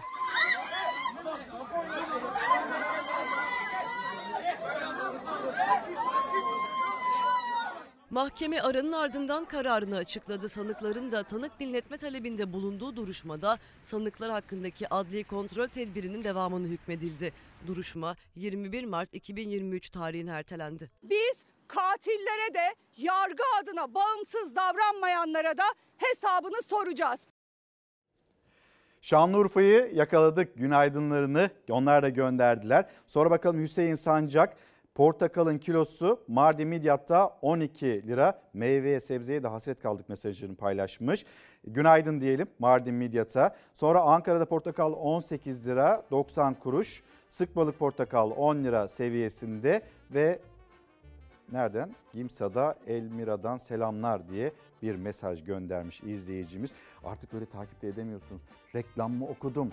Onun da kaygısını yaşıyor insan. Reklam mı okudum, isim mi okudum bilemiyorsunuz. Hazır buraya gelmişken kitaplarımızı da gösterelim. Bu arada o gün Yıldız da rejide günaydın diyor. İstanbul yoklamasını o da vermiş. Bir kentin belleği Osmanlı dönemi belgelerinde küçük çekmece. Özel hastane girişimciliği ve kalite yönetimi Tuncer Kelleci'nin çalışması. Sonra günden yarına Atatürk diyor ki Türkiye Cumhuriyeti 100 yaşında gelen kitaplar arasında. Mahmut Özer, Milli Eğitim Bakanı globalleşme ve eğitim üzerine kendisinin yapmış olduğu o İngilizce çalışma çıkan kitabı Ezgi Özbek Şenel Rüzgar Koridoru diyor bizlere ulaşan kitaplar arasında. Uzman Didar Kantarcı Boğda annelik geliyorum demez gösterelim kitabımızı ve halk ozanı Ali Güç Emlek Pınarı derken Vedat Tatar da bakın iki kitabı da şöyle hemen göstereyim. Hızlı bir şekilde de reklama gitmemiz gerekiyor. Reklamlara gidelim. Döndüğümüzde Cumhuriyet Halk Partisi'nden bir milletvekili Ali Mahir Başarır. Sonra İyi Parti'den milletvekili e, Lütfi Türkkan. Burada Çalar Saat'te konumuz olacak. Neden o iki milletvekili yan yana bizim konumuz olacak? Zaten reklamların ardından göreceksiniz, konuşacağız. Ama belki bazı izleyicilerimiz de biliyorlardır. İki milletvekilinin dokunulmazlığını kaldırması ile ilgili bir çalışma var. Türkiye Büyük Millet Meclisi'nde 1760 dosya beklerken o iki dosya çekildi. Neden o iki milletvekili? Konuşalım reklamların ardından. Efendim bir kez daha günaydın. Çalar Saat'te devam ediyoruz. Söylemiştim reklamlara gitmeden önce iki konuğumuz olacak diye ve Türkiye Büyük Millet Meclisi'nde de konuşulan o iki konuk. Burada İyi Parti'den Lütfü Türkkan ve Cumhuriyet Halk Partisi'nden de Ali Mahir Başarır şu anda yanımızda Çalar Saat'te. Günaydın. Günaydın, iyi Hoş yayınlar geldiniz. diliyoruz. Günaydın, iyi Günaydın. yayınlar. Ee, nasılsınız? Gayet iyi. Siz? Gayet iyiyiz. Dün e, açıklamalarınız da oldu. Sizin de yine yapmış olduğunuz açıklamalar oldu. Neden bu iki milletvekili yanımızda ve kendileriyle ilgili nasıl bir çalışma var Türkiye Büyük Millet Meclisi'nde? Haberimiz hazır izleyelim ve konuşacağız. 1760 dokunulmazlık dosyasından ikisini cımbızlayıp siyasi mühendislik yapıyorlar. Bir tarafta bakıyorsunuz bir şehit ailesiyle alakalı çok nahoş sözler. Mahkeme başkanına hakaret etmezseniz tehdit etmezsiniz. Şerefli Türk polisine şerefsiz diyen milletvekiliniz nerede diyeceğim? Ne cevap vereceksiniz? CHP'li Ali Mahir Başarır ve İyi Partili Lütfi Türkkan'ın dokunulmazlıklarının kaldırılmasına yönelik fezlekelerin görüşüleceği karma komisyon toplantısını CHP, İyi Parti ve HDP boykot etti. Muhalefetin polise hakaret ettiği halde hakkında fezleke düzenlenmedi dediği AK Partili Zeynep Gül Yılmaz da muhalefet vekillerinin dokunulmazlıklarının görüşüldüğü komisyonun üyesi. Bazı arkadaşlar dokunulmazlığımızın kalkması için el kaldıracak. Bunlardan bir tanesi Mersin'de kameraların huzurunda polislerimize şerefsiz diyen AKP'nin sözcüsü Zeynep Gül Yılmaz. Bingöl ziyaretinde Akşener'e tepki gösteren, şehit yakını olduğu iddia edilen bir kişiye sarf ettiği sözler nedeniyle Lütfi Türkan hakkında fezleke düzenlendi. Ali Mahir Başarı hakkındaki fezleke ise Yalova'da hakime hakaret ettiği gerekçesiyle. Sayın Lütfü Türkan hakkındaki fezlekenin komisyona havalesinden 14 ay geçtikten sonra adeta cımbızla çekilerek gündeme alınması karma komisyonun siyasi maksatla hareket ettiğini açıkça ortaya koymaktadır. Hakikaten içimiz yanıyor çıldırmak üzereyiz ya. İrtikaplar, rüşvetler, adam kayırmalar, onlar bunlar beklesin. Bazı en ağır cezalık suçlara daha iddianame bile düzenlenemesin. Şikayete bağlı yatarı olmayan bir suçtan dokunulmazlık kaldıracağım. Karma komisyonda yaptığı şey de yapması gerekeni e, kendi görevini ifa etmektir. Muhalefetin olmadığı bir yerde muhalefet milletvekillerini yargılayan dokunulmazlığını kaldıran. Böyle mi geldiniz böyle gidiyorsunuz? CHP, İyi Parti ve HDP karma komisyon toplantısına katılmadı. AK Parti ve MHP'li üyeler dosyaları karara bağlamadı. Hazırlık komisyonu kurulmasına ve orada değerlendirilmesine karar verdiler. Bize geliyorsunuz, anayasal düzenlemeler yapacağımızdan bahsediyorsunuz. Anayasal düzenleme yapmaktan bahsederken onun uzlaşmayla yapılacağını görmüyor musunuz? Karma komisyonda muhalefet milletvekillerinin dokunulmazlık dosyaları görüşülürken aynı saatlerde meclis ana binasında anayasa değişikliğini görüşmek üzere AK Parti muhalefetten randevu istemişti.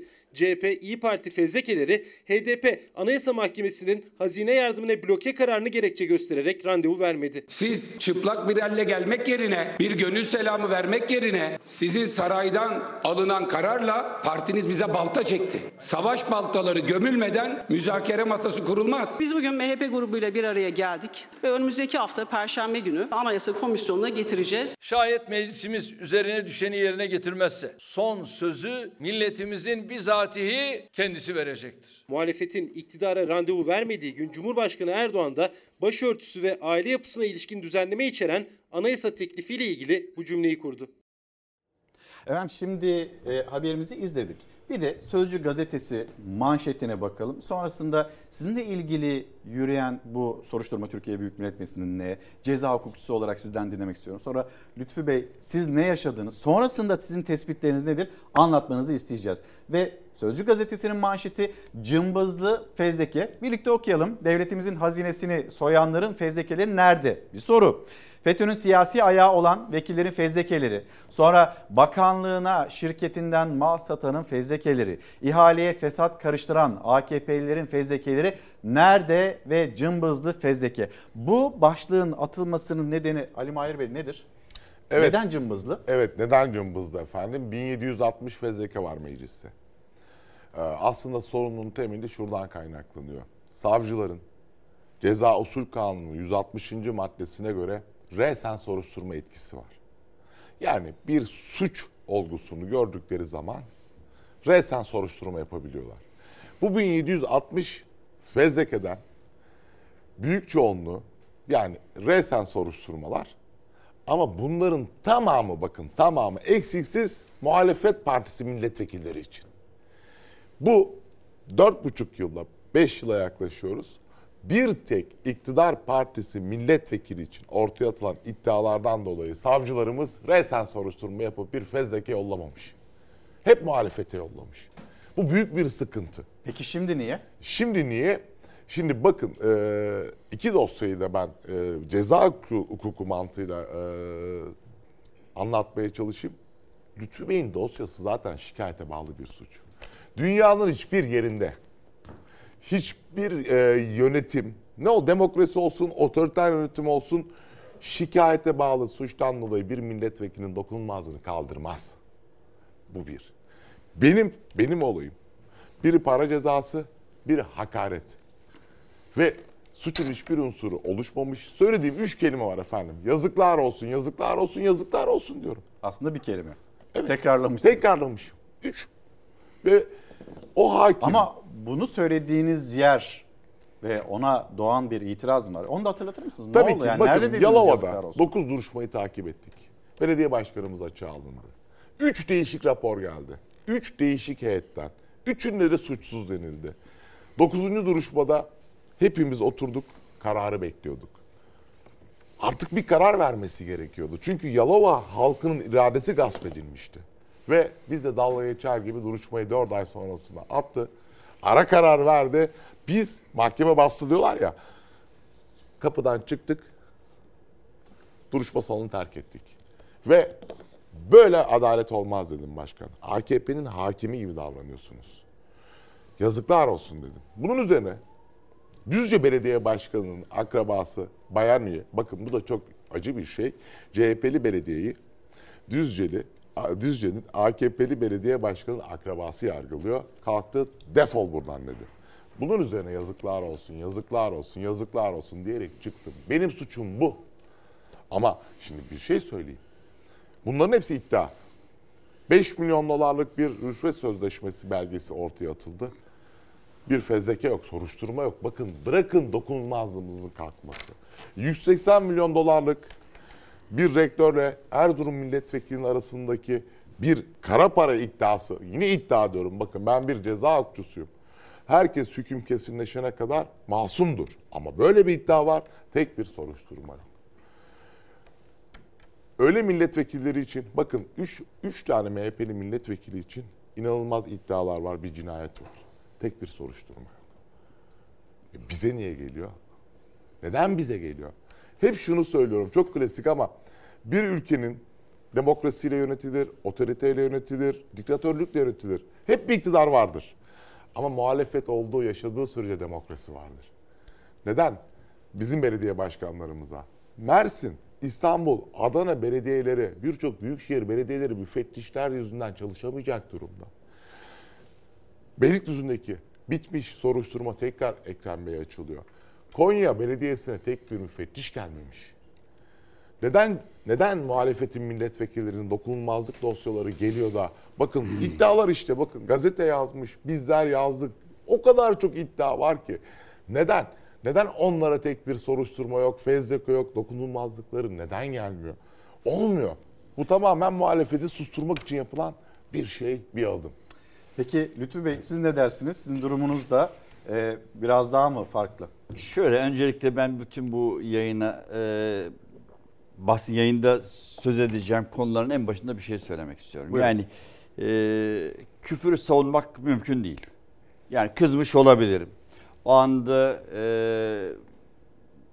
beraber yürüdüğüm o şahsın ifade ettiği o galis küfürlere rağmen benim böyle bir şey söylememem gerekiyordu. Bu konuda gerçekten ilk o gecede Türk milletinden ve kadınlardan özür diledim. Bunda da özür dilemekte hiçbir beis görmedim. Hakikaten üzgünüm. Hala üzgünüm o konuda. Böyle bir şey yapmamalıydım. Evet. Bu benim Tabii ki öz, yapmamalıydınız. bu benim öz eleştirim. Kesinlikle. Ee, siyasi sorumluluğumu da yerine getirdim. Grup başkanlığı görevimde yer, o gün bıraktım. Şimdi gelelim. Ama bu bu meselenin üzerinde bakın var? bu meselenin üzerinde beni linç etmeye kalkan iktidarın şehitlik mü- müessesesini bu kadar istismar ederek, siyasete bu kadar alet ederek üzerinde tepinmesi de ayrıca bir ahlaksızlık. Yani ben yaptığım şeyden dolayı özür diledim ama onlar şehitlik müessesesini tartışılır hale getirdiler. Sebebini söylemek istiyorum size. Bu vesileyle şehitlerimize Allah'tan rahmet diliyorum. Gerçekten her gün bir iki tane şehit haberi duyuyoruz. Bu konuda da çok üzgünüm. Şehit aileleri olmak üzere bütün şehit yakınlarını da saygıyla selamlıyorum. Şimdi 5 Kasım 2011 tarihi biz genel başkanımızla beraber Bingöl'e gittik. Bir şahıs var. Ee, size e, yayından önce verdim. Sosyal, sosyal medya burada göstermekten imtina ediyorum. Haya duyarım. Çünkü kötü sözler. Haya duyarım. Ee, sosyal medya üzerinden e, ciddi anlamda hakaret değil, küfür eden, cinsel fantezilerini bir başkasının üzerinden deneyerek genel başkana uygulayan böyle garip garip ifadeler kullanan bir şahıs kalkıp orada tekrar bağırmaya başladı. Bu daha önce de ceza almış zaten hakaretten dolayı. Yahu arkadaş bu şehit yakını dediğiniz adam e, sosyal medyada bol bol çıktı. Porno sitelerinde dolaşan, farklı tercihleri olan bir arkadaş. Ben hani o kadar detay vermeden ben bunu ilerleyin. tanımam. Ben bunu hiç bilmem. O gün de ilk defa görüyorum. Ee, giderken ifade etmeme rağmen bu küfür etmeye devam etti. Neyse o mesele orada kapandı. Ben de geldim özür diledim. Ertesi gün bir şeyler öğreniyorum. Bu şahıs İzmir'den özel olarak oraya getirmiş. Bu mesele sadece provoke edilmek üzere getirmiş. Provoke ettikten sonra da tekrar ertesi gün VIP'ten Ankara'ya getiriliyor. Bir saniye alabilir miyim onu? Tabii. Yani o- İzmir'den Bingöl'e özel getiriliyor diyorsunuz. Bingöl'den de ertesi gün Sonrasında da- Ankara'ya getirilip VIP'ten alınarak kendisi de mesele e, halloldu diye bunu alıp İçişleri Bakanlığı görevlileri tarafından karşılanıyor. Ankara VIP'e de İçişleri Bakanlığı misafir olarak getiriliyor. Şimdi bu fotoğraf nereden? Yani dava Bu- dosyasına giren bir fotoğraf mı bu? Yok bu henüz daha ben bir savunma yapmadım. Bana Ya da benim hani- davayla evet. alakalı herhangi bir ifadem de yok. Peki bu fotoğraf nasıl Bu size? fotoğraf e, VIP önünde bir yolcu tarafından çekilmiş bir fotoğraf. Bana da tarafıma ulaştırıldı. Peki. Sonra Ee, başka görseller de bu var. arka- evet, ben alayım mı evet. elime? Bir o görselleri ben alayım. Tabii. Siz bir yandan da anlatmaya devam edin lütfen. Sırada. Evet. Buyurun. Şimdi kaldı ki bu şehit yakını dedikleri arkadaşın şehit diye bahsedilen kişinin de şehit olup olmadığı da belli değil. Çünkü Nasıl yani? şöyle bu bir polis değil. Bu korucu değil. Bu asker değil. 14 yaşında bir çocuk mayına basmış. e, vefat etmiş. Aradan 97. Aradan geçmiş 25 sene. Size bakın bir şehitlik e, fotoğrafı verdim. Bir şehitlik Yani siyasette söylem bu şekilde devam ediyor olabilir. Ama Bakın- en başta da söylediğiniz gibi şehit yakını ya da Değil, şehit asker yakını değil, polis değil. Ee, onun dışında bir de hakaret etmemeniz gerektiğini de siz söylüyorsunuz zaten. Bakın bu bir şehitlik. Evet. Şey, hemen ertesi günü bu şehit dedikleri gencin mezarından bir fotoğraf paylaşmak istiyorum. Şu, bakın o şehitlik, bu da o şehit dedikleri gencin mezarı. Ya bir taşlardan yığılı. Bir yandaş televizyon kanalı annesini götürüyor, burada e, ziyaret ettiriyor. Ya şehitse niye buraya herhangi bir mezar yapma gereği duymadınız? O güne kadar hiç mi aklınıza gelmedi? Şehit diye e, millete gönderdiğiniz gencin mezarı bu. Mayına basmış vefat ediyor. Nereye gittiğini de bilmiyoruz. Yani bu şehit orada gün e, başka bir maksatla bir yere giderken de olmuş olabilir. Bu konuda bir fikir yürütmek de istemiyorum ama zaten olayın öznesi de şehit yakın değil. Öyle üzerinde bir tanımlanmış bir vasfı da yok. O bir provokatör. Sadece oraya bu provokasyonu yapmak Yani üzere. sizin karşı karşıya kaldığınız kişi için söylüyorsunuz. Evet bunu. evet bir şehit yakın değil bir provokatör bir meczup. Sadece ama bir şey biliyoruz. Bu tamamen sarayın İyi Parti üzerinde ona e, yönelik komploların zincirinin bir parçası. Bunu daha önce zaten bu tip duyumlarımız vardı. Ee, biz bu konuyla ilgili bütün hassasiyetimizi devam ettiriyoruz. Bu komploların devam edeceğini düşünüyoruz. Ama bu komployla beraber iktidar bunu bir fırsat bilip benim şahsım üzerinde bir itibar lincine başladılar işlerimle alakalı, iş hayatımla alakalı mütecaviz girişimlerde bulundular. Bununla alakalı hiç kimseye yapmadıkları birçok girişimin muhatabı oluyorum. Bir sanayici olarak Türkiye'de yıllık 100 milyon doların üzerinde ihracat yapan bir kurumu işlevsiz hale getirdiler. Çalıştırmayacak hale getirdiler. Bütün bunların içinde bir tane şey var. Lütfü Türkan sen çok konuşuyorsun. Aha buradan da size söz olsun. Bir dakika susarsam, bir dakika geri atarsam, adım atarsam namerdim. Dokunulmazlığının kaldırılmasıyla ilgili bir Ne endişeniz ya da hani bunu çok Ya, önemsediğinizi Bizim söyleyebilir miyiz? dokunulmazlığımızı millet veriyor ya.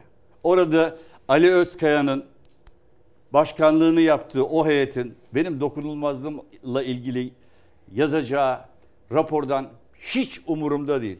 Bir şey daha enteresan bir şey söyleyeceğim. Komplonun e, ne halde olduğunu görmeniz açısından söylüyorum. Ali Özkaya kim? Afyon milletvekili. Şu anda e, Adalet ve Anayasa Komisyonu'nun ortak toplantısında e, üye arkadaşımız. Bu provokatörün avukatı kim? Burhan Özkaya. Burhan Özkaya kim? Ali Özkaya'nın yeğeni. Hadise tamamen bir e, provokasyon zinciri. Böyle bir şeyin içerisinde yer aldık. CHP Burada- lideri Kemal Kılıçdaroğlu'nun e, grup toplantısında bir resti oldu.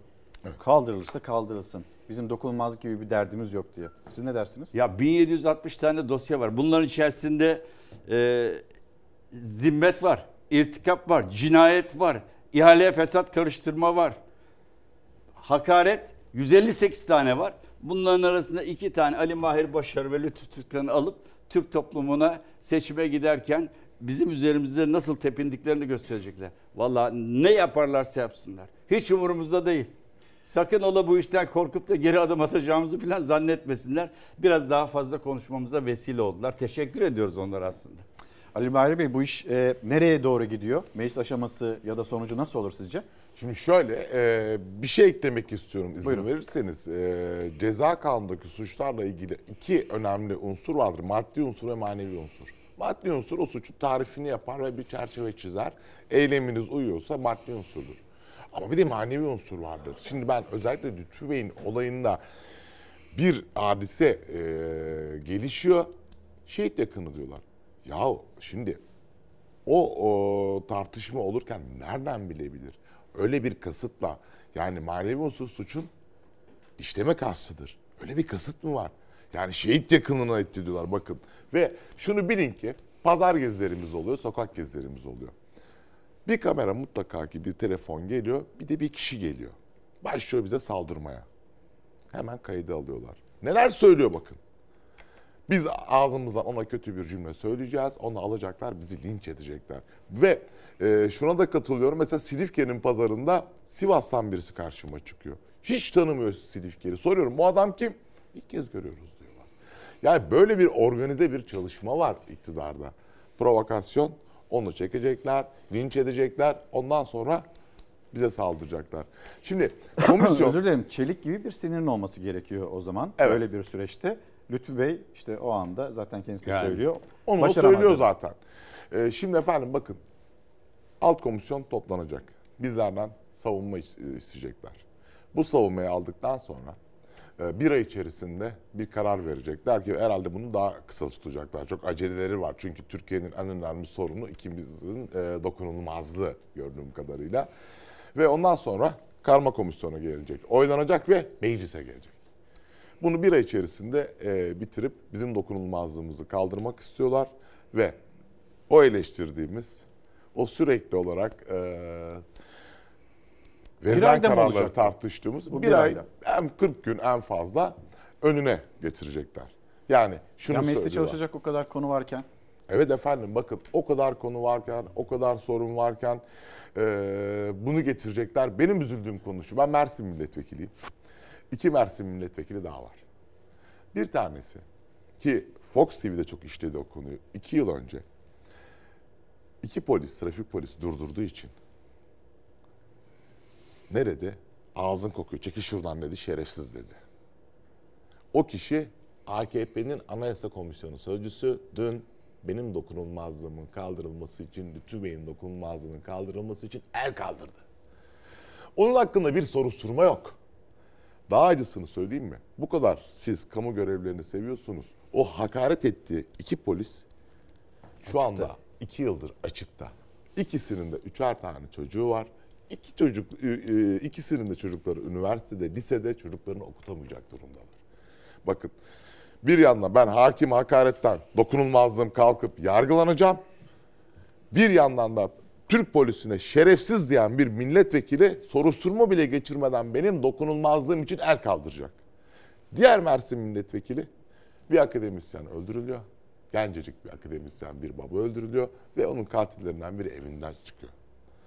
Mecliste de o el kaldıracak. Ben bunu 85 milyonun takdirine bırakıyorum.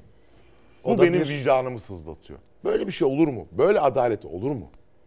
O, o da bir iddia olarak sen İddia olarak söylüyorum bakın efendim. 5 milyon dolar rüşvet sözleşmesi, diğer iddialar, bu olay, Zeynep Hanım'ın olayı hepsi bir iddia. Ya kendi Neden yargılanmıyorlar? kendi bakanlığına deterjan satan, bakan. dezenfektan satan bakanla ilgili bırakın soruşturma açmayı. Ya kalkıp diyemediler. Sen ne kadar rezil bir iş yaptın. Bizim yüzümüzü yere yedirdin. Onu bile demekten imtina ettiler. Ve sorun şu, sorun şu bakın. Bizim hakkımıza fezleke geliyor. Bir yargılama süreci başlıyor. 1760 tane var. Bunlarla ilgili soruşturma bile açılmıyor efendim. Bakın bir soruşturma bile yok. Bu nasıl bir şey? Yani AKP'liysen suç işleme özgürlüğün var o zaman.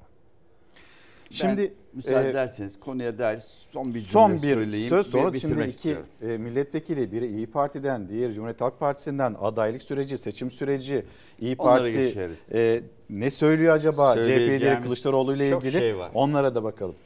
Bir kere e, İyi Parti saraya ve saraya itiraz edenlere e, karşı saraya boyun eğenlere karşı itiraz kültürüyle kurulmuş bir parti. Bizim bu itiraz kültürümüzle ilgili devam Saraya boyun ettiğimiz- eğenler derken söylediğiniz Saraya boyun eğenlere itirazımız var bizim. Sadece parti saraya mi, bir değil. ismi mi? Parti, kişi, kurum hepsi. Sarayın e, kapı kulları var. Bunlar sadece kişiler değil, kurumlar da var. Onlara olan itirazımızla başlayan bir yolculuğumuz var bizim. Demokrasi yolculuğumuz var. Ya bütün bu provokasyon... daha açık bir şekilde Milliyetçi Hareket Partisi'ne mi söylüyorsunuz? Ben kurumlardan bahsediyorum. Yani sadece partiyle e, basın... Kişiler, kurumlar, Tabii basın partiler. var, basında var. İş hayatında var, sivil toplum kuruluşlarında var. Yani birçok şeyde var. Yani bu demokrasi yolculuğumuzu yürütürken bize karşı yönetilen bu saldırılardan, bu provokasyonlardan hepsinden haberdardık. Bunların devam edeceğinizi de biliyoruz. Ama bilsinler ki biz bu demokrasi yolculuğumuza devam edeceğiz. Hiç kimse ama hiç kimse bizim bu demokrasi yolculuğumuzdan bizi geri çevirmeye e, gücü yetmeyecektir. Bir de bir şey daha söyleyeceğim üstadım. Bana şehit üzerinden e, linçe kalkanlara bir şey söylemek istiyorum. Ya arkadaşlar şehide kelle diyenlerden, karaktersiz şehit babaları diyenlerden, 3-5 tane e, gelen şehitten herhangi bir e, memleketin gündemini değiştirmeye gerek yok diyenlerden bizim bu konuda alacağımız hiç ama hiçbir ders yok. Bu konuda da bize ahkam asla kesemezler.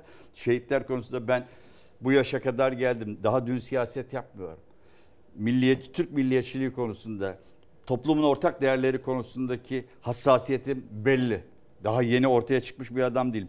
Onlarınki de belli, bizimki de belli. Bütün arkadaşlarım için aynı şeyi söylüyorum. O yüzden onların bu tavrından asla ve katta bize ders çıkartmaya sakın ola ki yeltenmesinler. Bu konudaki hassasiyetimizi toplumda bilir, biz de kendimizi biliriz. Teşekkür ediyorum. Efendim şimdi bu konuyu noktalayalım. Ekleyeceğiniz bir şey var mı? Dün söylediğimi söyleyeyim, genel başkanımın söylediğini söyleyeyim. Kaldırırlarsa kaldırsınlar. Bir gram eğilmeyiz, bir gram geri durmayız, susmayız, asla ve asla ürkmeyiz. Buyursunlar, kaldırsınlar. Hem de o haklarında iddia olan Zehra Taşkesenlioğlu, Erzincan milletvekili, iki Mersin milletvekili el kaldırsın. Hiç korkmuyoruz. Korkmayacağız da. Ee, şimdi de seçim gündemine geçelim. Ee, siyaset bu seçimin tarihi erkene alınacak mı, alınmayacak mı, ne olacak? Bir bakalım. Sonra da soralım konuklarımıza. CHP ne düşünüyor? İyi Parti ne düşünüyor? Milletvekilleri ne düşünüyor? Konuşalım. seçimleri kazanabilecekleri ideal bir tarih anlayışına girdiler. Belki tarihini birazcık öne alacağımız seçimlerle ilgili hazırlıklarımızı zaten uzun bir süredir yürütüyorduk. Sen hiç kendini yorma. Önümüzdeki 5 ayda senin seçilebileceğin herhangi bir tarih yok. İstediğin kadar uğraş. Sandıktaki hazin sondan kurtuluş yok. İktidar erken seçim tarihini belirlemeye çalışıyor. 6 Nisan'dan sonraki seçim için Cumhurbaşkanı Erdoğan seçimin yenilenmesi yetkisini kullanacak. Yeniden adaylığı tartışılırken Akşener res çekti. Tarih fark etmez dedi. İster yarın yapılsın, ister bir ay sonra sandıkta senin için emeklilikten başka seçenek yok. Cumhurbaşkanlığın kötü geçti, bari jübilen güzel olsun. Mevsim şartlarını dikkate alarak belki birazcık öne çekerek tarihini güncelleyeceğimiz 2023 seçimlerinin Erken seçim kararı aldığınızda Haziran ayı pek bir güzeldi de şimdi birden sıcak mı oldu? Kardeşlerim altı kaptan bir gemiyi batırır. Tek kaptanla bir gemi gider. Yedekler ayrı. Olası iktidar değişiminde Cumhurbaşkanı ile liderlerin ülkeyi ortak yöneteceğini açıkladı muhalefet. Erdoğan altı kaptan gemiyi batırır dedi. Muhalefetten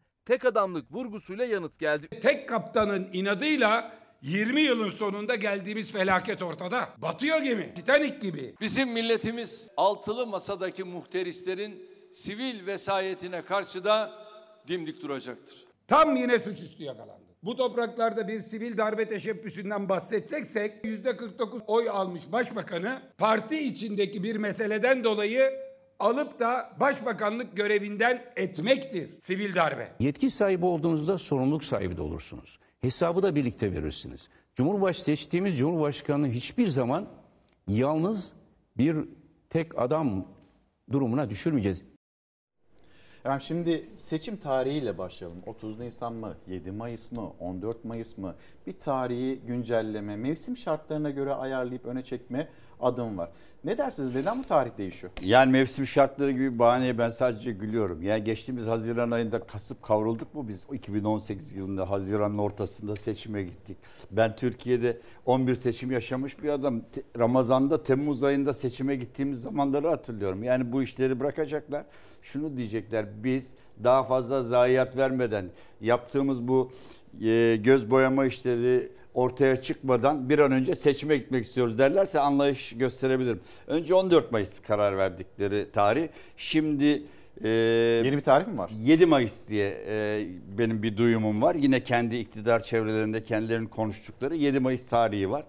Ama bir şey söyleyeceğim. 7 Mayıs, 14 Mayıs, 21 Mayıs veya 28 Mayıs ne değişecek? İşte aday kim olacak? Ya kim olursa olsun aday. Ama bir şey belli ortada. Ne o? Cumhurbaşkanı Erdoğan bir daha Cumhurbaşkanı olmayacak. O net, o belli. Diğer taraftan bizim bütün bu Yani konuştuklarımız seçilemeyecek anlamında mı seçilemeyecek. Aday olamayacak. Seçi ya aday gelsinler bakalım Haziran ayında normal tarihinde yapsınlar. Anayasa buna müsaade etmiyor. Anayasal suç işlerler. Her anayasal suçun da karşısında bir yaptırımı vardır. O yüzden yok mevsim, yok sıcak, yok Ramazan deyip öne alıyorlar. Anayasa olarak e, bizim tekrar Cumhurbaşkanı Erdoğan'ı Cumhurbaşkanı seçimine sokmayız. Bu mümkün değil. Buna cevaz vermiyor anayasa. Öne gelirler ama hangi tarihte yaparlarsa yapsınlar. Asla ve kata seçilemeyecek. Şimdi bizim konuşacağımız şeyler kimin cumhurbaşkanı olacağı. Seçilemeyecek belli. Seçilecek olan kim onu konuşacağız şu anda. Ee, siz ne dersiniz? 7 Mayıs tarihini siz duydunuz mu? Şimdi ben de şunu söylemek isterim. Ee, bir sefer 7 Mayıs e, ya da 30 Mayıs ya da Haziran'da ama muhalefete aslında kendisine bir şans verdi. Gel dedi 6 Nisan'dan önce bu seçimi yap. 360 kişi oy versin. Anayasanın 101. maddesini ihlal etme. Çünkü 101 net. Aday olamazsın diyor. Olurum diyor. Ve e, Şentop diyor ki... Adalet Bakanı da olur diyor. Ta, tabii ta- Adalet Bakanı zaten diyor. Şentop diyor bunu. Meclis Başkanı diyor. Ama bakın bir örnek vermek isterim. 80 darbesi oluyor. 82'ye kadar Kenan e, Paşa bu ülkeyi yönetiyor. Kenan Evren. 82'de seçime giriyor. Cumhurbaşkanı olacak. Orada bir tartışma çıkıyor. 7 yıl için mi? Çünkü 2 yılda görev yapıyor. 5 yıl. 5 yıl için mi? Oran aldı kaçtı. Darbe anayasasını yapanlar unutmuyor ve bir hüküm koyuyor. Geçici bir madde koyuyor. Her ne kadar 2 yıl görev yapsa da diyor yeni seçilecek Cumhurbaşkanı diyor 7 yıl için görev yapar. Ya darbe, darbe yapan anayasacılar bunu unutmuyor. Geçici bir madde koyuyor. Siz neden koymuyorsunuz? Siz bu anayasayı yaparken geçici bir madde koysanız bu ilk seçimdir. Bir kez daha aday olabilir deseniz hiçbir sözümüz yok bakın. Ama siz anayasayı bir kez daha ayaklar altına alıyorsunuz. Olmaz. Anayasaya uymazsak olmaz. E gel hala bu şansın var. 6 Nisan'dan önce yap. Niye 6 Nisan'dan önce yap diyorum? Şu çıkardığınız ucube seçim yasasıyla 85 milyon seçime gitmesin. Ama hiç umurlarında değil. Diyor ki YSK beni aday yapar. Ben olurum. Yapar mı? E, Yapar. Yapar efendim. Adaydır der yapar. Yani Ama ben e, şuna- çok vahim bir şey. Şuna çok özür diliyorum. Yapar sözünün arkasından şunu ilave etmek istiyorum. Yapan yaptırımına da rıza gösterir. Evet. Ondan sonra da onun Tabii, bir yaptırımı, yaptırımı olur. var. Yani YSK ben yaparım. E yap. Bu devir hiç devam ili, ila nihaya devam edecek diye bir e, kanaatiniz var mı? Yok. Bir gün nihayet bulacak bu. Nihayet bulduğunda da bu yapan diyenlerin yaptırımlarına karşı yaptırımlara karşı durmasını da bekleriz. Şu cebinde anayasayı ihlal etmiş, 101. maddeyi ihlal etmiş bir aday olarak seçimlere girer ve seçimden sonra bunun yaptırımı olur. Bakın bunu ikinci kez yapıyor.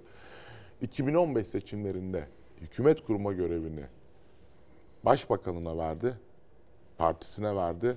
Daha sonra muhalefete vermeyerek zaten anayasayı açıkça ihlal etmişti o gün. Bugün 101. maddeyi bir kez daha ihlal ediyor. Bu bir suçtur, anayasa suçudur. Yapmaması lazım. Gelsin, uzlaşsın. 6 e, Nisan'dan önceki ilk tarih, en yakın tarihte uzlaşalım. 360 kişi ona oyunu versin seçim için. Girsin seçime ama bunu yapmasın. Türkiye'ye bu kötülüğü yapmasın. Anayasayı, bakın hukuktan, yargı bağımsızlığından bahsediyorlar. Beni bu yüzden yargılamaya çalışıyorlar. Yargıya müdahale etmişiz. Ya anayasayı tanımıyorsunuz. Anayasanın 101. maddesini tanımıyorsunuz siz. O yüzden e, bence seçim tartışmaları e, bu açıdan bakmak lazım. Herkesin, aklı selim herkesin partisindeki hukukçuların hepsinin uyarması lazım. Gelsin parlamentoda bu konuda uzlaşsın. 6 Nisan'dan önceki bir tarihte bu seçimi yapalım. Hatta bence parmak boyası. Hatta 3 tane bakanın İçişleri, Ulaştırma ve Adalet Bakanı'nın bağımsız bakanlar olarak seçime girelim. İnsanlar huzur içerisinde seçime girsin. Bu seçim yasasıyla seçime girmek sağlıklı da değil, insanlara huzur da vermiyor, güven de vermiyor. Şimdi altılı masaya geçelim. Hızlı bir şekilde vaktimizde idareli ve yeterince kullanabilelim diye. E, altılı masayla ilgili Davutoğlu'nun cümleleri tabii bir tartışma konusu da yarattı. Vesayet tartışması. Ne düşünüyor acaba? Hem CHP hem İyi Parti yan yanayken.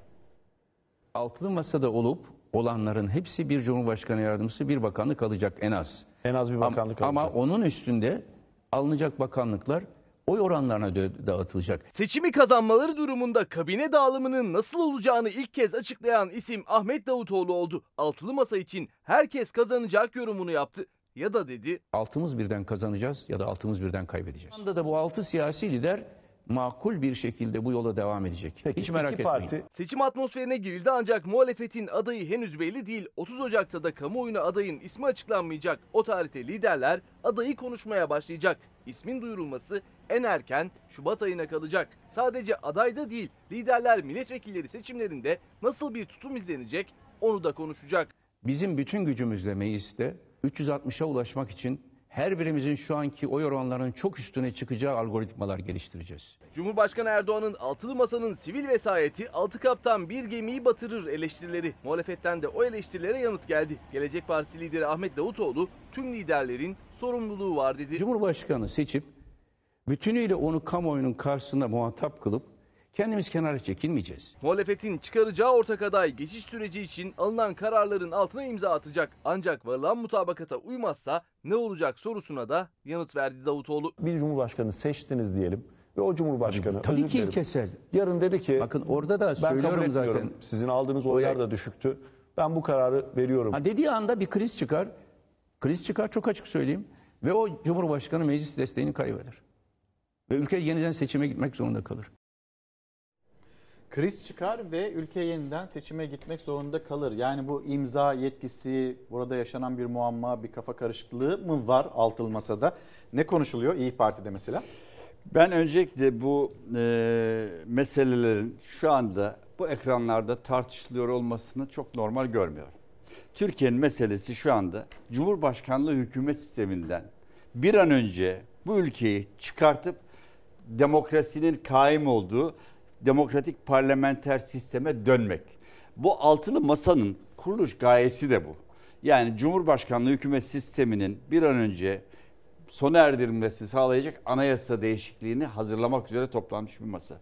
Yani bu saatte milletimiz hiç merak etmiyor kimin hangi bakanlığına alacağı, kimin hangi bakan olacağı, kimin nereden milletvekili olacağını milletimiz hiç merak etmiyor. Milletimizin merak ettiği şeyler başka. Siz bu ülkeyi bu ucube sistemden kurtarmak için nasıl bir anayasa değişikliği yapıyorsunuz? Bundan sonra bu ülkeyi hangi e, şartlarda idare edeceksiniz? Bu ülkeye refaha, bu ülkeye demokrasiyi, bu ülkeye yargı bağımsızlığını nasıl getireceksiniz? Bununla ilgili yaptığınız çalışmaları bize anlatın diyor. Yoksa ben Zeytinburnu'nda, burada Sümer Mahallesi'nde, Kocaeli'nde, İzmit'te, Ali Paşa'da hiç kimsenin hangi bakanın olacağını merak etmiyor. Sokağa çıkıp sorsunlar. Bana göre bu çok e, gündemi işgal etmemesi gereken konular. Bizim konumuz bu ülkeyi sağ salim seçime götürmek. Seçimden de sağ salim çıkartıp bu ucube sistemi sona erdirecek anayasa çalışmasına bir an önce geçmek. Bizim Ama- esas işimiz bu. Bu konular, bu konuların konuşulması bile bırakın altılı masaya, ülkeye zarar verir. Biraz daha hassas davranmamız gerektiğini düşünüyorum. Siz ne dersiniz o zaman? Efendim e, şu konuya kesinlikle katılıyorum. Bizim bile bakanlık umurumuzda değil. Biz bu partinin milletvekilleriyiz. Grup başkan vekilliği yapmış. Ülkenin çok daha önemli sorunları var. Şimdi zaten bir anayasa çalışması toplumla paylaşıldı. Bu gömlek, şu anki gömlek bu vücuda dar geliyor. Olmuyor. Türkiye'nin e, vesayet diyor şimdi Cumhurbaşkanı vesayet tartışması açıyor ama bir vesayet tartışması açacaksa Bir de sivil siyasete darbe gibi bir değerlendirme de var Bekir Böyle bir Bozdağ'da. tartışma açacaksa Bekir Bozdağ önce İstanbul Belediyesi'ne, İstanbul Belediye Başkanımızla yapılanlara baksın. Yargı kararlarıyla alınan belediye başkanlarına baksın. Bugün birçok belediye vesayet altında, birçok belediye başkanına da kayyum atanmak istiyor. İşte Yalova'da yaşananlar, İstanbul'da yaşananlar, seçilmiş milletvekilleri dokunulmazlık tehdidi var. Vesayette bakacaklarsa buna baksınlar. Yalnız Türkiye'nin ihtiyacı olan yeni bir anayasa, yeni bir sistem, demokrasi, özgürlük, hukukun üstünlüğü. İnsanlar özgürlük istiyor. Bakın sadece bize yapılan e, bir zulüm yok. Bugün e, 80 yaşına gelmiş Metin Akpınar, Genco Erkol sanatçılar mahkeme kapılarında. O yüzden bir anayasa çalışması yapıldı. Bunu toplumla paylaştık. Zaten orada belediye başkanlarının görevden alınması, milletvekili dokunulmazlıkları, insanların e, hukuki hukuk ve siyasal güvenceleri fazlasıyla o çalışmada güvenceye alınmış ve toplumla paylaşılmış. Biz bunu konuşmalıyız. Ee, Bir de bu sürecin beklentisiz ilerlemesi gerektiğini mi düşünüyorsunuz? Kesinlikle. Güçlendirilmiş parlamenter sisteme gidil, gidilirken Efendim, ya da bakın. gidilmesi istenirken. bizim e, bakanlık taleplerimiz, bakanlık özlemlerimiz, makam özlemlerimiz e, bu toplumun isteklerinin çok çok gerisinde. Bu ülke özgürlük istiyor, ekmek istiyor, aşı istiyor. Bugün 31 milyon insan icrada. 13,5 milyon şüpheli insan var yargılanan bugün benim ülkemde. İnsanların ekmek kadar, su kadar, aşk kadar adalete ihtiyacı var. Ve bizim görevimiz budur. Biz milletvekili olmuşuz, bakan olmuşuz. Hiç önemi yok. Dokunulmazlıkların da bu bağlamda önemi yok. Önemli olan bu Türkiye'ye, bu ülkeye yakışan bir elbisenin, sistemin gelip oturması. Tüm partinin bu mücadeleyi vermesi gerektiğini düşünüyorum. Gençlerin %76'sı yurt dışında yaşamak istiyor. Bu %76'sı yurt dışında yaşamak isteyen gençler hiç merak ediyor mu? Ya Adalet Bakanlığı kim olacak? Milli Eğitim Bakanı kim olacak? Ekonomi Bakanı kim olacak? Ya gençler diyor ki bizi öyle bir ülke yaratın ki biz dışarıya baktığımızda özlem duymayalım. Okulumuzu bitirdiğimizde gidelim rahatlıkla iş bulalım. Ekonomi Bakanı belki merak ediyorlardır. Yani ben bir şey ekonomi bakanını merak etmiyorlar. Ekonomiyi nasıl düzelteceksiniz diye onu merak ediyorlar. Galiba Nurettin Nebati'nin bir takım e, dokunuşları da olacak önümüzdeki süreçte. Dinleyelim mi Sayın Nebati'nin yeni yapmış olduğu açıklamaları? Hatta bugünkü başlığımızda param nerede? Nurettin Nebati kur korumalı mevduat sisteminin müthiş bir buluş olduğunu söyledi. Ayşe'nin parası Fatma'ya, Fatma'nın parası da Ahmet'e gitti. Ahmet parayı nereye götürdü? Ayşe'nin parası ne oldu? Bir başka tartışma konusu. E, paranın yurt içinde dönüyor olması doları baskılıyor belki ama o para dar gelirliye ne kadar ulaşıyor? Konuşalım. KKM müthiş bir buluş oldu. Bize diyorlar ya bir maliyeti var. Bu maliyet nerede? Türkiye içerisinde. Yurt içinde para dönüyor. Ayşe'nin parası Fatma'ya, Fatma'nın parası Ahmet'e. Bu azınlık kim zaman yandaş olarak, beşli çete olarak karşımıza çıkıyor. Bunlar Ayşe Fatma değil. Bunların kimliği belirsin. Kabinenin ışıltılı şahsiyeti Nebati Bakan patronu Bay Kriz'le birlikte adeta ediyle büdü gibiler. Muhalefet kur korumalı mevduat sisteminin hazineye maliyetini tartışırken, servet transferi derken Hazine Bakanı Nurettin Nebati maliyeti savundu. Ayşe'nin parası Fatma'ya, Fatma'nın parası Ahmet'e gidiyor diyerek. Ayşe'nin parası çocuğuna süt alırken vergi veren Ayşe'nin parası. Yokluk yoksulluk çeken Ayşe'nin parası. Verdikleri Fatma zengin Fatma. Daha önceki yapı Meryem'in parasını Maria'ya götür. 85 milyon iliğine kadar vergi veriyor. Bu övünülecek bir şey değil. Bu utanılacak bir şey. Siz bu Merkez Bankası'ndan kur korumalı mevduata yapmış olduğunuz ödemeleri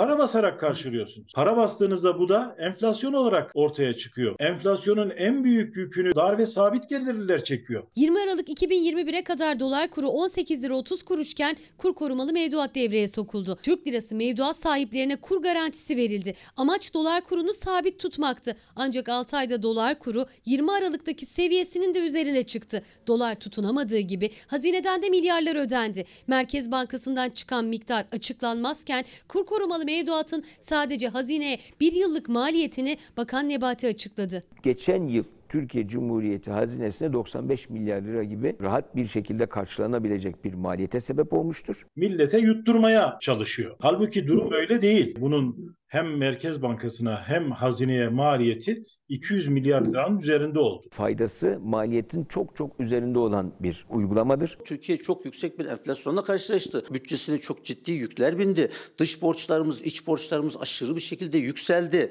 Hazinenin tarihinde ilk kez faiz yükümlülüğü, ana para yükümlülüğünü geçti. Bunlar bir maliyet olarak görmüyorlar mı? Türkiye ekonomisini bu kadar olumlu etkileyeceğini kimse tahmin edemezdi. Müthiş bir buluştu. Türkiye'nin o buhranlı, sıkıntılı, zor dönemlerinde uygulamak zorunda kaldığı bir enstrümanı 2021 yılında uygulanmış bir hükümetle karşı karşıyayız. Türkiye için tekrar yine bir facia. TÜİK eliyle işçiden 300 milyar dolar çalındı. 5 ay sonra borcumuzu ödemeye başlıyoruz. Ücret vergisinin devlete değil işçiye ödenmesini sağlayacağız. E biz beyaz yakalılar dediğinizi duyar gibiyim. Siz de işçisiniz. Kanmayın bunlara. Tabii ki size de borcumuzu ödeyeceğiz. Nurettin Nebati 85 milyonun vergilerinden ödenen kur korumalı mevduat maliyetini savunurken CHP lideri Kılıçdaroğlu ise milyonlarca çalışanın vergi yüküyle ilgili açıklama yaptı. Seçimin kazanılması halinde vergi dilimlerinin yeniden düzenleneceğini söyledi. Şimdi Ahmet'in parası galiba bizim çenemizi yoracak anladığımız kadarıyla. Çünkü Ayşe'nin parası Fatma'ya, Fatma'nın parası da Ahmet'e gidince Ahmet'in parayı nereye götürdüğünü bilmiyoruz. Yurt içinde bir yerde. Yastık Ben- altında, ben bir şey bankada. Yıldız Üniversitesi matematik mühendisliği tahsili görmüş bir adam. Sayın Nebati'nin hesabını ben daha işin içinden çıkamadım. Emin olun. Sayın Nebati de bir- çıkamıyordur. Yani o da program bittikten sonra ne söyledin Abi sen şey hissediyor musun? Bu Nebati konuşurken ben Havubam sınıfına bir müfettiş geliyor. Onlar konuşurken adam Neydi, kafa Hüseyin falan Şevki gidiyor. muydu? Evet. ben niye kendimi öyle hissediyorum anlamıyorum. Ya Nebati konuşurken müfettiş iyi ki Nebati var ama emin kendimi. olun bakın toplum bu kadar asık suratlı, bu kadar kederli, sıkıntılıyken Nebati ekranlara çıktığında hepimiz gülüyoruz. Allah Evet. ondan razı olsun. İyi ki var Sayın Nurettin Nebati. Teşekkür ediyoruz. Efendim şimdi çok güzel paslaşıyorsunuz. Masada da öyle mi? Adaylık sürecinde de öyle mi? Mesela sizin adayınız, Cumhuriyet Halk Partisi'nin adayı, bizim genel başkanımız e, Kemal Kılıçdaroğlu'dur diyorsunuz. Onur duyarız. Siz ne diyorsunuz? Kendi aralarında konuşuyorlar. İyi Parti olarak Cumhurbaşkanlığı Yani adaylığı kendi aralarında konuşuyorlar ve biz de e, kendilerini takdirle izliyoruz. Tabii ki genel başkanlarını Kendi Cum- aralarında konuşuyorlar, sizinle paylaşmıyorlar yani anlamında tabii yani bütün arkadaşlarımız Cumhuriyet Halk Partili arkadaşların gazetelerdeki demeçlerini görüyorum. Kendi aralarındaki sohbette de bu mevcut. E, bir siyasi parti mensubu milletvekilinin kendi genel başkanını Cumhurbaşkanı adayı görmesi kadar normal bir şey yok. E, bu da takdir edilecek bir davranış. Yani ben Sayın Meral Akşener'i Cumhurbaşkanı olmayı hayal ediyorum mesela. Ne kadar zarif, naif bir Türkiye olur. Dünya güzelleşir emin olun. Bunda bu hayal etmek, bunu talep etmekten daha doğal bir şey olabilir Ama mi? kendisi, "Ben başbakan olacağım" diyor. Keşke olsa. Yani ben de keşke böyle bir kudretim olsa da Sayın Meral Akşener'i bu konuda ikna edebilsem. Çok isterim. Gerçekten çok isterim. Cumhurbaşkanlığı. Evet. Öyle bir gücüm olabilse keşke. Sayın Meral Akşener'i bu konuda ikna edebilsem ve aday olarak e, Cumhurbaşkanı olarak çıkabilse ülkenin rahatlayacağını düşünüyorum. O kadın eliyle, o kadın ruhuyla ülkenin bu gerginliklerden kurtulacağını düşünüyorum. Yani ülkeye bir kadın eli, ülkeye bir e, anne eli değmesi çok önemli. Siz de etrafınızda bilirsiniz. Düzeni bozulan aileler vardır. İşi bozulur adamın, ilişkileri bozulur vesaire. O aileyi toparlama işi, o adam bir kenara çeker. Ailenin e, hanımı kalkar o aileyi bir toparlar. Tekrar bir düzene getirir, yola koyulur. Ondan sonra da o aile düzgün yaşar. Yani hanım elinin değmesini... E, o zaman mesela bu ben de özellikler çok isterim. CHP lideri Kemal Kılıçdaroğlu'nda da yok mu? Ben bir hanım olarak bahsediyorum. Yani, Yani, Meral Hanım zaten kendisini dışarıya koydu. Siz bir hayalinizi Bakın ben söylüyorsunuz. ben Ama şimdi ortada Ama en tabii fazla baba konuşulan... şefkati ve baba e, bütünleyici Ta- böyle bir o da, o da problem önemli. yok. Hiçbir problem yok. Bizim bir tane e, Ya ısrarım- anne şefkati olduğu kadar Ali Mahir Bey de hatırlatıyor. Şu Baba söylemek şefkatini de. istiyorum. Tabii ki Sayın e, Ali Mahir Başar'ın ve diğer milletvekili arkadaşlarımızın genel başkanlarını, cumhurbaşkanları görmesine saygı duyuyorum ve takdir ediyorum. Böyle olması lazım. Ama bir şey daha var. Bu seçim Türkiye'de 5 yıl sonra yapılacak bir cumhurbaşkanlığı seçimi değil. Yani birisi seçilebilir. Ondan sonra bakarız 5 yıl sonra bu olmadıysa başkasına bakarız gibi. Bu seçimde eğer Millet İttifakı kaybederse biliniz ki Türkiye kaybediyor. Ve 50 senesini kaybediyor. Bu seçimde bizim ne parti taassubuna, ne kişisel egolarımıza, ne parti hesaplarımıza, ne de siyasi mühendisliğe asla ve kata yer vermememiz lazım. Bir tek şeye ihtiyacımız var. Mutlaka ve mutlaka kazanılacak bir adayla, Millet İttifakı'nın adayıyla seçime gitmemiz lazım. Başka hiçbir çaremiz yok. Şimdi e, milletvekilleri, kurmaylar, ekranlar üzerinden konuşmasınlar diye bir yaklaşım var partilerde. Ekranlar üzerinden konuşmasınlar ama işte Lütfü Türkkan burada İyi Parti, Ali Mahir Başarı burada Cumhuriyet Halk Partisi. Sayın Türkkan'ın söylediklerinden siz ne çıkartıyorsunuz? Yani bir de Kılıçdaroğlu'nun adaylığı istedikten sonra seçilmesiyle ilgili bir risk mi görüyor acaba İyi Parti? Yok yok e, öyle e, düşünmüyorum. Bakın bizim düşüncemiz şu. Türkiye bir seçime gidiyor. E, bir gerçek var ki e, 50 artı 1'i alabilmek için farklı düşünen partilerin bir arada olması gerekiyordu ve bu da oldu, sağlandı. Yani altılı masa evet içerimizde çok farklı düşünen, farklı dünya görüşlerine sahip partiler var, var ama demokrasi adına, ülkenin geleceği adına bir aradalar. Ve aday çok önemli. Bu aday e, farklı düşünen insanları Çoğulcu demokraside çok önemli bir şey var. %51 gelir ama %49'da saygı duyar. Öyle bir aday olmalı ki bir anayasa yapma sürecinde, parlamenter sisteme geçiş sürecinde Türkiye'yi dengeleyecek. Yine bu partilerde e, bir denge unsuru olacak. 85 milyonu kucaklayacak bir adaya ihtiyacımız var. Ve e, ben inanıyorum tabii ki genel başkanımız aday olursa açık farkla ilk turda kazanacak. Beraber kazanacağız. Altı parti kazanacağız. Ee, ve herkes şöyle düşünüyor. İşte bu e, İyi Partili, CHP'li milletvekillerinin e, grubun işte arası çok iyi. Biz e, sürekli görüşürüz. Var mı sürekli konuşuruz. kriz? Ya, e, yani A- bırakın kriz olmayı biz emin olun İyi Parti'deki milletvekili arkadaşlarım açısından söylüyorum. İyi Parti'deki milletvekillerinin her birisinin e, bizim nazarımızda ne kadar kıymeti ve değeri varsa Cumhuriyet Halk Partisi'ndeki milletvekili arkadaşlarımız da Bizim öyle için de bakarız. öyle. Gerçekten öyle. Öyledir. Yani bir sosyal münasebetlerimiz de öyledir. Sadece Aynen siyasi öyle. değil. Bunu bir televizyonda söylediğimde de şaşırdılar. Biz konuşuruz, dertleşiriz, Lütfü abinin evine gideriz. O bize gelir. Ee, sakın ki bizim sanki aramızda böyle bir e, e, tartışma var gibi düşünmesinler. Tabii ki farklı düşüneceğimiz konular olacak. Tabii ki tartışacağız. Tabii ki söyleyecekler. Zaten Adaylık demokrasi konusunda farklı bu. düşünüyor musunuz? Adaylık konusunda Cumhuriyet Halk Partisi grubunun içerisinde bile farklı düşünenler vardır. Biz iki ayrı partide tabii ki farklı düşünenler vardır aramızda. Ki o olacaktır. Onu da söyleyeyim. Biz bir sonuçta e, demokratik bir partiyiz. Özgürce karar alıyoruz. Kurumlarımız karar alıyor. Farklı düşünen, aday olmak isteyen arkadaşlarımız olacaktır. Ben bunu da saygıyla karşılıyorum. Ama e, şunu soruyorlar. Genel Başkanımız Sayın Kemal Kılıçdaroğlu aday olsun mu? Ben onur duyarım. Çünkü dürüstlüğüyle, e, tecrübesiyle, devlet e, birikimiyle ben bunu kendi adıma söylüyorum. Farklı düşünen bir arkadaşımız olduğu zaman da tabii ki buna saygı gösteririm. Lütfü Bey farklı düşünüyor galiba. Jest ve mimikler öyle söylüyor. Bu, bu mimik işine fazla girmeyelim. Mimiklerden ceza geliyor Türk tarafından. O yüzden ben hiç mimik yapmamaya çalışıyorum özellikle. Efendim çok teşekkür ederim. Ben teşekkür Geldiğiniz ediyorum, için, Çalar Saat'te konumuz olduğunuz için hem e, kendi yaşadıkları Türkiye Büyük Millet Meclisi'ndeki dokunulmazlık sürecini anlattılar. Hem Türkiye'nin gündemini konuştuk.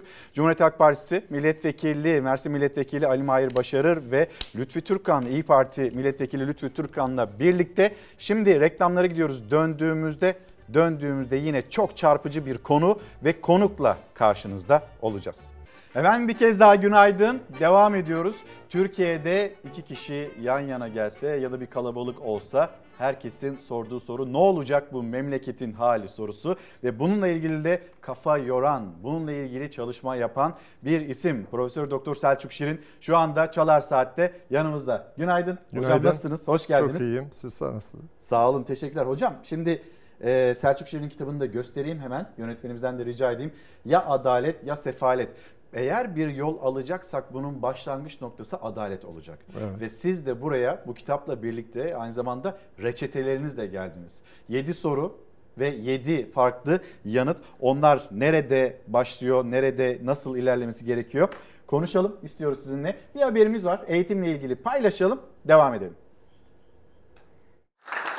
İki okulun birleşmesi aslında büyük, e, bizim için büyük bir zenginlik olacak. Diğer okullarımız sadece eğitim konusunda anlaşmalar yapabiliyorlardı.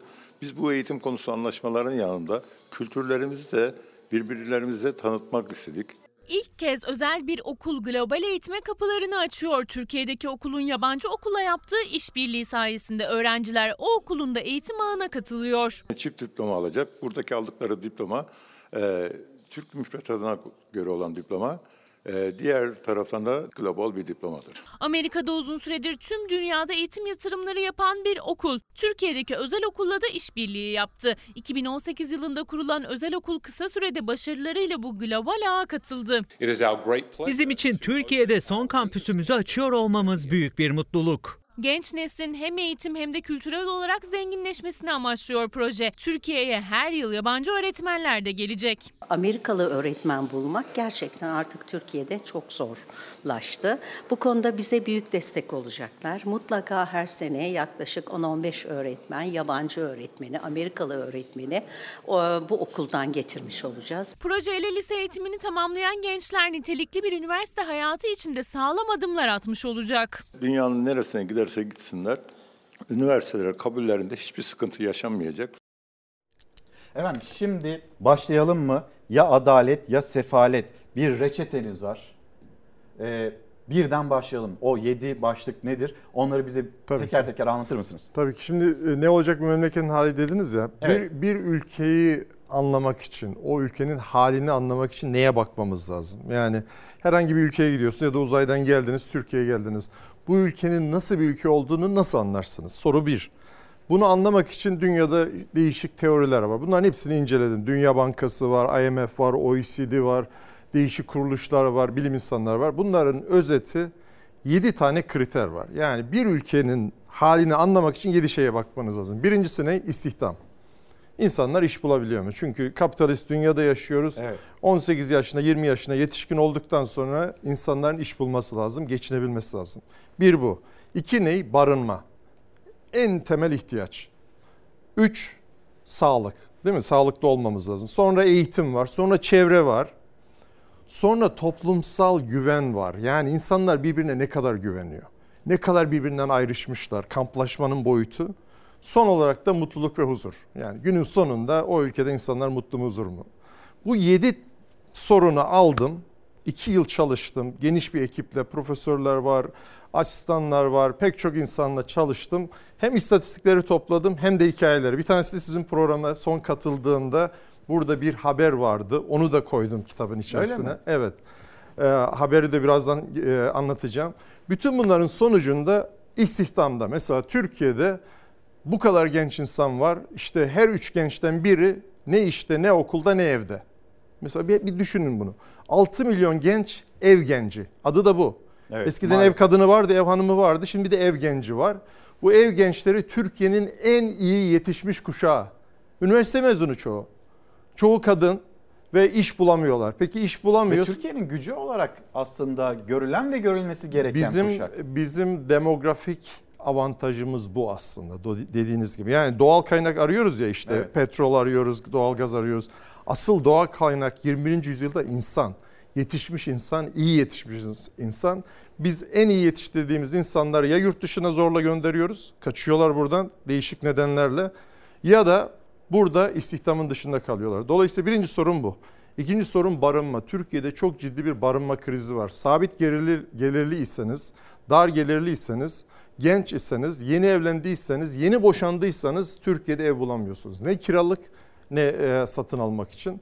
Üçüncü sorun Ev buldunuz ödemekte zorlanıyorsunuz. o da var, o da var. Evi ödediniz, aidatını ödemekte zorlanıyorsunuz Aynen, hocam. aynen. Şimdi tek tek bunların üstüne gidebilirim ama bu sorunları herkes biliyor. Evet.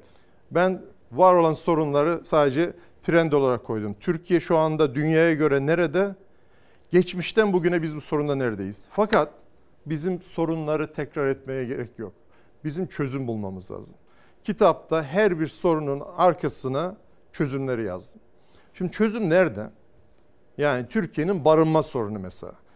Bütün bu sorunlarda Cumhuriyet'ten bugüne tarihe gittim. Türkiye bu sorunu ne zaman çözmüş? Var mı iyi bir dönem, iyi bir örnek? İşte eğitimde hemen aklımıza geliyor. Fen liseleri mesela iyi örnek.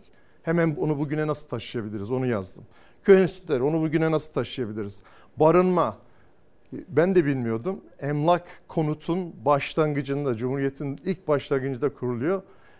Kimsesizlerin bankası olarak kuruluyor biliyor musunuz? Ben de bilmiyordum. Yani adı o.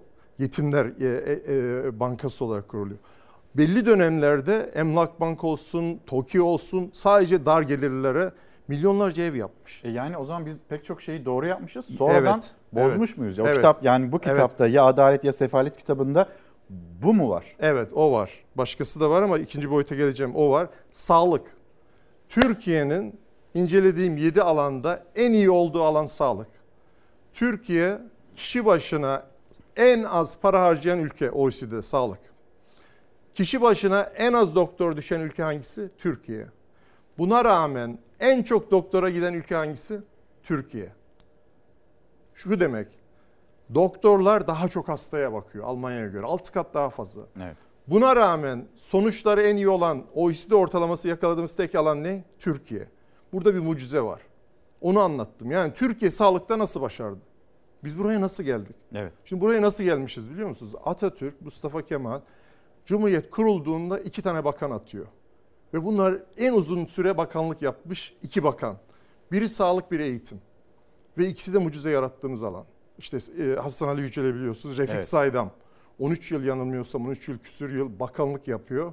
Ve sağlıktaki bugünkü başarının mimarı orada. Bütün her şeyi Türkiye'ye yayıyor. Ondan sonra fen liseleri kuruluyor. Ondan sonra Hacettepe diye, e, tıp diye dünya çapında halen daha marka olmuş bir üniversite kuruluyor. Tıp alanında. Bütün bunların sonucunda işte e, kurtan fişekler olsun, e, Türkan sayılanlar olsun bütün Türkiye'yi dolaşıyorlar ve sağlıkta mucize başarıyoruz. Peki bu mucizeyi başaranlara Türkiye nasıl teşekkür ediyor?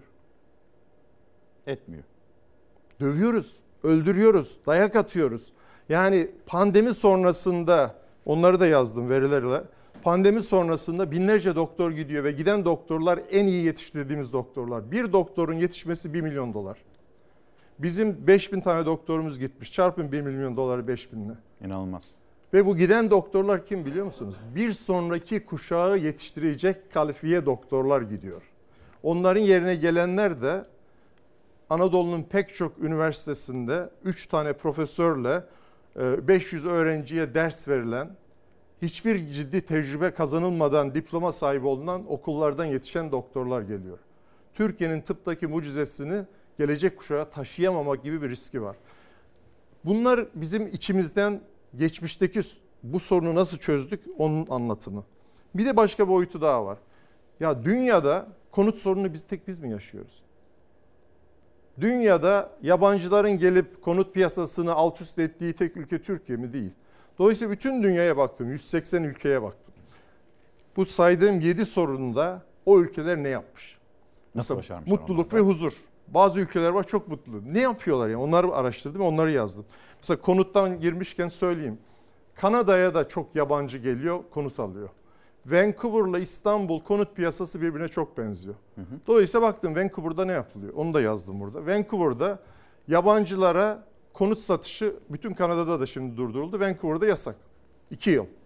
Başka ne yapıyor? Vancouver'da yabancı, Çinli özellikle geliyor, para çok. Alıyor konutu, kirada bekletiyor, boşta bekletiyor. Vancouver Belediyesi dedi ki bekletemezsin arkadaş. 3 aydan fazla, 5 aydan fazla süresini de yazdım şu an aklımda değil. Konut boş kalırsa vergi alıyor senden. İki tane binadan, üç tane binadan sonra artan vergiler koyuyor. Amaç ne? Rant için belli kesim konut alıp üstünde dur- durmasın. Türkiye'deki sorun ne biliyor musunuz? Türkiye'de 750 bin tane e, Boş konut, e, e, boş konut değil, arz talepten söz ediyorum. Şimdi o da öyledir. Arz talep arasında O 250 da öyle. bin konut O- o dengesizliği var. İstanbul'da yani Türkiye değil İstanbul'da. Boş konut var. Evet. Şimdi mesela İstanbul'daki boş konut işte ça- çaresi var bulmuşlar. Yani dünyayı yeniden keşfetmeye gerek yok. Her alanda toplumsal güven mesela. Türkiye'nin aslında bütün bu sorunları çözebilmesi için birbirimize güvenmemiz lazım. Türkiye'de şu anda kimse kimseye güvenmiyor. Öyle bir boyuta gelmiş ki soru şu. Diyor ki İlker çocuğunun senin oy verdiğin parti dışında bir partinin çocuğuyla parkta oynamasını ister misin? Çoğunluk hayır diyor biliyor musun? Ya parka gidecek iki çocuk oynayacak. Ebeveynler diyor ki oynamasın ayrı parti ise. Olay bu boyuta gelmiş durumda. Şimdi böyle olunca ne oluyor? O iki çocuk aynı okula gidiyor. Bu kadar keskin mi hocam? Geldik mi oraya? Yani geldik, gelmişiz. Veriler onu gösteriyor. Yani bu, bütün bu istatistik verileri de pek çok kaynaktan e, topladım. Hepsi zaten e, çoğu da resmi kaynaklar. Bütün bunların... Bu feci bir şey. Çok feci bir şey ve bunu gidermemiz lazım. Ama bunu kim gidecek? Bunu siyasetçiler yapmayacak. Dünyanın her yerinde siyasetçiler ayrışmadan e, kar elde eder siyasi anlamda. İnsanlar birbirine öfkelensin, aradan ben sırlayayım, kahraman olayım. Dolayısıyla seçmenlerin, bizi dinleyen herkes için zaten bu kitabı onun için yazdım. Seçmenlerin siyasetçilerden talep etmesi lazım. Ve seçmenlerin kendileri için, kendi çocukları için, çıkarları için oy vermesi lazım. Yani eviniz yoksa, çocuğunuz iş bulamıyorsa bunun bir sorumlusu var. Bunun hesabını sormanız lazım. Buna rağmen fikrinizi değiştirmiyorsanız şikayet etme hakkınız da yok. Orada iş bitiyor.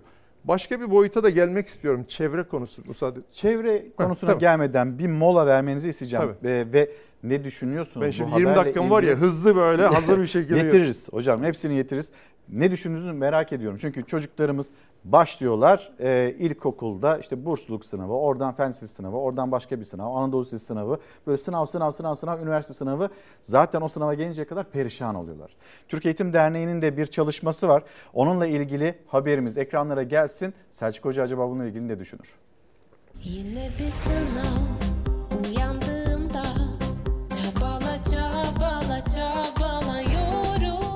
Sınavların gölgesindeki eğitim sistemine şarkıyla itiraz ettiler. altında kapanmış.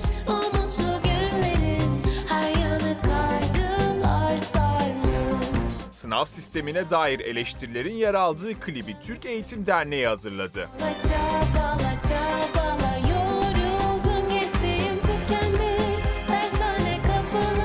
Sadece klipte değildi hazırlanan, öğrencileri, öğretmenleri ve aileleri yoran eğitim sisteminin en önemli parçası haline gelen sınavlar konusunda bir rapor ve çözüm önerileri hazırladı dernek. Sere sor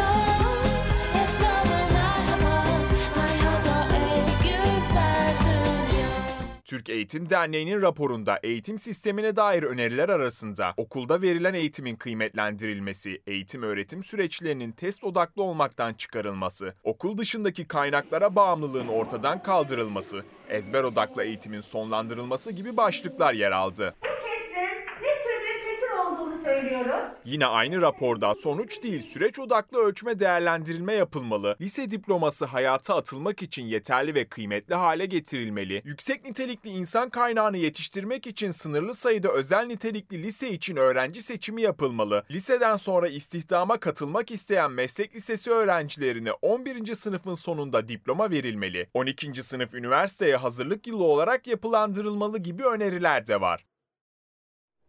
Hocam bu sınavlardan da bir kurtulsa mı artık çocuklarımız?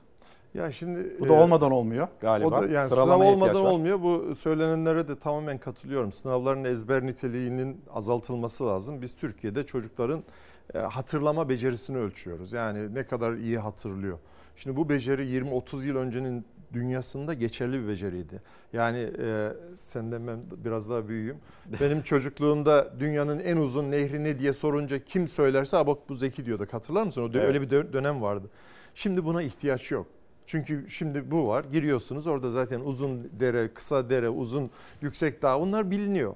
Beyninizi bunlarla boşuna doldurmanıza gerek yok. Ama bizim testler halinde bunu ölçüyor. Dolayısıyla e, biraz önceki raporda ifade edilen önerilere tamamen katılıyorum. Ezber odaklı e, sınavlardan problem çözme odaklı sınavlara geçmemiz lazım. Fakat şunu da söyleyeyim. Bu kitapta 7 bölüm var. En az zaman harcadığım, en az sayfa harcadığım bölüm eğitim. Eğitimle ilgili hiçbir sorunu sadece eğitimi konuşarak çözemezsiniz. Eğitim bir çıktı. Sadece eğitimi düzelterek biz Türkiye'de şu an en iyi okulları da kursak bu sistem içerisinde biz sadece yurt dışına e, kalifiye eleman yetiştirmiş oluruz. Eğitimle tek başına kurt- kurtulan bir ülke yok dünyada. Önce adalet. Adalet neden önemli biliyor musunuz? Bir, bir önceki bu, pro, bu stüdyoya geldiğinde burada bir haber paylaşılmıştı. Kitapta da onun hikayesini yazdım. Bir hanımefendi, ev kadını, evde çocuğu var. Sınava hazırlanıyor KPSS'ye. Belki hatırlarsınız. KPSS'ye hazırlanıyor ve birinci oluyor biliyor musunuz? Evet. Yani iki yıl hazırlanıyor, birinci oluyor. Söyleşisi vardı burada ben izledim ve aynı şimdiki haberde olduğu gibi. Mülakatta elendi. Evet. Şimdi bu hanımefendi çocuğuyla hamile haldeyken iki yıl çalışıyor ve bunun sonucunda hakkı yeniyor. Şimdi bu öyle örnekler çoğalırsa ve Türkiye'de böyle haksızlıklar, iltimas çok fazla ne oluyor biliyor musun? Bir genç o habere bakıyor ne düşünüyor? Ya ben niye çalışayım diyor. Evet. Bak o hanım çalışmış, hakkını yemişler. O zaman çalışmıyor. Yarattığı his bu. Yarattığı his bu. Bir süre sonra ne oluyor? Birbirini bu destekliyor. Çocuklarda motivasyon çok az Türkiye'de. Mesela bir e, işte çocuğun ders çalışmıyor. Ya çocuk bakıyor. Şimdi çocuğun ders çalışmıyor diyen her ebeveyne şunu söylemek istiyorum. Çocuğunuza yüklendiğiniz kadar siyasetçilere yüklenin. Ekrana bakarak söylüyorum. Çünkü o çocuğun az çalışmasının nedeni çocuk hayata bakıyor. Kim nasıl yükseliyor Türkiye'de? Kim nasıl e, ilerliyor her anlamda? Onun ilişkilerini görünce diyor ki ha bu okuldan geçmiyor, bu eğitimden geçmiyor, bu çalışmaktan geçmiyor, bu emekten geçmiyor. O yüzden kitabın adı ya adalet ya sefalet, ya eğitim ya sefalet değil. Ve burada bir bölüm daha var. Eğitim şart değil. Bölümün adı o. Yani böyle eğitim şart değil. Yok öyle bir şey kardeşim. Dünyada sadece eğitimle ne iyi davranışı, ne ahlaklı davranışı ne de kalkınmayı başarabilirsiniz. Önce adil rekabet kurallarını, hukuk sistemini, rule of law dediğimiz kurallar toplumu olmayı başaracaksınız. Kim olursa olsun. Cumhurbaşkanı da olsanız, işte Selçuk Şirin de olsanız, kim olursa olsun bir haksızlık yaptığınız zaman, bir hak yediğiniz zaman cezasını ödediğinizi bütün herkes görecek ki ona göre herkes ayağını denk alacak. Bu olmadığı zaman ondan sonra gidin çocuklara iyi davranış, ahlaklı olmayı öğretin. Çocuk salak değil. Çocuk görüyor. Okullarda bazen bana diyorlar işte okullarda hocam şu ders açılsın. İşte yalancılık olmasın, ahlaklı insan. Ya böyle bir şey olabilir mi ya? Bu iş bu kadar kolay olsa ya hemen okullara şu dersi açalım. O zaman bütün sorunları çözmüş olursun. E, öyle bir öyle bir dünya yok. Yani çöp atmayı nasıl gideceğiz? Eğitimle. Olur mu eğitimle? Çevreye geçelim mi? Çevreye Süremizi geçelim. yetirelim. Çevre çok önemli. Ee, 7 bölümden biri Türkiye'de çevreyi insanlar dert etmiyor. Yani benim arkadaşlarım da benim e, ben köy çocuğum gidip bizim köydeki kahvede desem ya işte global ısınma var hocam o nedir falan der haklı olarak. Dolayısıyla çevrede ama kuraklık da galiba artık herkes bunu ya var ama bu, da. henüz gençler biraz farkında ama belli bir kuşak farkında değil. Çevre Türkiye içinde, dünya içinde bir tehdit. Kuraklık geliyor, global ısınma geliyor. Yazın bu kadar ormanların yanmasının tek sebebi orada birisi kibrit çaktı değil. Değil. Bütün Avustralya e, kıtası 6 ay boyunca yandı. Amerika yanıyor, Avrupa yanıyor. Global ısınma burada. Fakat burada büyük bir fırsat var Türkiye için. Yeşil dönüşüm denen bütün yaptığımız her işe yani şu kupanın üretilmesine, bu kitabın üretilmesine, buradaki ışıkların üretilmesine kadar her şeyin gözden geçirilmesi lazım. Bu yeşil dönüşüm potansiyeli ülkeler bazında ölçülüyor. Bu kitapta incelediğim 180 küsür ülke içerisinde sıra sıra koydum. Türkiye'nin en iyi olduğu alan yeşil dönüşüm potansiyeli. Beşinci sıradayız. Çok iyi. Bu ne demek biliyor musunuz? Coğrafya kaderdir diye deniyor ya ve Türkiye hep sanki bizim kaderimiz kötüymüş gibi anlatılıyor. Bu anlamda coğrafya kaderse Türkiye'nin çok iyi bir kaderi var. İki nedenle. Bakanlık verileriyle söylüyorum. Güneş enerjisinin haritasını çıkartmış bakanlık. Yıllarca para harcamış. Halen daha sitesinde duruyor. Burada da referansı var. Evet. Güneş enerjisi potansiyeli itibariyle Türkiye olağanüstü bir konumda kendi kendine yetecek, güne, yetecek güneş enerjisi var. Rüzgarda avantajı var. Türkiye'nin en az güneş alan noktası Kuzey e, Karadeniz, Doğu Karadeniz. O noktada aldığımız güneşle Almanya'nın aldığı güneş aynı. En az aldığımız yeri söylüyorum. Almanya daha etkili Almanya kullanıyor. bizden 10 kat daha fazla üretiyor. Nasıl oluyor? Dolayısıyla bunu değerlendirmemiz lazım. Bizim bu yeşil dönüşümü değerlendirebilirsek hem istihdamı İstanbul dışına taşıyacağız, hem yetişmiş gençlere iş olanağı sağlayacağız çünkü kalifiye işler var burada. Hem de Avrupa Birliği geçen sene imza attı. Diyor ki bana gönderdiğin kahvenin, portakalın, e, e, işte fındığın hepsinin şu şu şu koşullarda üretilmesi lazım. Bütün bunları yapmamız için Türkiye'nin bir yeşil dönüşüm hareketi başlatması lazım. Bunun da reçetesini burada yazdım. Profesör Güven Sak e, da buradan teşekkür ediyorum. Ankara'dan bilirsin. Bizi o zaman bir de mutluluk ve huzur kısmına getirir misiniz? Ya Türkiye'nin e, tabii bütün bunlar olunca yani işte işsizlik var, umutsuzluk var, istihdamı öyle, çevre böyle. Bütün bunlar olunca insanlar mutsuz oluyor. Zaten veriler de onu gösteriyor. Bundan yaklaşık 20 yıl önce Birleşmiş Milletler bir karar aldı. Dedi ki bir ülkenin refah seviyesini ölçerken artık mutlu- mutluluğa da bakacağız. Ve TÜİK tarafından da ölçülüyor bu artık. Türkiye mutsuz bir ülke. Bunu benim söylememe gerek yok. Mutsuz bir ülke derken de gülmeniz. ne yani şimdi e, o aşina olanı Yani tekrar- gülüyoruz ağlanacak halimize yani noktasına haber geldik değil yani hepimiz. biz izleyenler için ve her sene bu artıyor. Ama bununla birlikte e, aggression, e, şiddet de artıyor. Yani insanlar birbirine çok ciddi anlamda ev içinde şiddet artıyor, Maalesef. sokakta şiddet artıyor. Dolayısıyla bizim Türkiye'deki insanların bu mutluluk seviyesini arttırmak için, huzur seviyesini arttırmak için de bir takım adımlar atmamız lazım. Dünyada bunu yapan ülkeler var artık özellikle Kuzey e, Avru- Avrupa ülkeleri. Bununla ilgili de e, okuldan başlayarak okullarda çünkü psikologların sayısının arttırılması lazım, psikolojik danışmanların sayısının arttırılması lazım. Türkiye'de terapi çok pahalı mesela ona da girdim. Belediyelerin bu işe girmesi lazım. Televizyonların bu işte biraz daha eğitici olması lazım vesaire. Türkiye bu kadar mutsuz insanla bu sorunları çözemez. Bizim bir şekilde kendimize gelmemiz lazım. Ama bütün bunların her birinde de hem birey olarak her birimize hem de sistemi dönüştürmek için seçmenlere görev düşüyor. Şimdi ana hatlarıyla baktık kitaba. Ya Adalet Ya Sefalet kitabına. Bir de noktayı şöyle koyalım isterseniz 1 milyon kitap projesi ve son durum nedir burada? Evet, evet. Bu, bu projeyi de bu, bu stüdyo benim için uğurlu bir stüdyo. Bu stüdyoda başlamıştık. Evet. Yaklaşık e, Ezgi, Ezgi'ye de selamlarımızı gönderiyorum. Günaydın diyelim Ezgi'ye. Günaydın Ezgi'cim. Bu projeye biz burada başladık ve benim amacım Türkiye'de doğan her çocuğa ücretsiz bir kitaplık kurmak. Ücretsiz. Türkiye'de her sene 1 milyon küsü 1.2 milyon çocuk dünyaya geliyor. Bunlar doğduğu gün iki gruba ayrılıyor. 200 bin çocuk senin ve benim çocuğum. Bu şu demek çocuğun evinde kitaplık var. Evet. Yani çocuk kitabı var, bebek kitabı var. Ebeveynlerden birinin üniversite diploması var ve çocuğa kitap okuyorlar.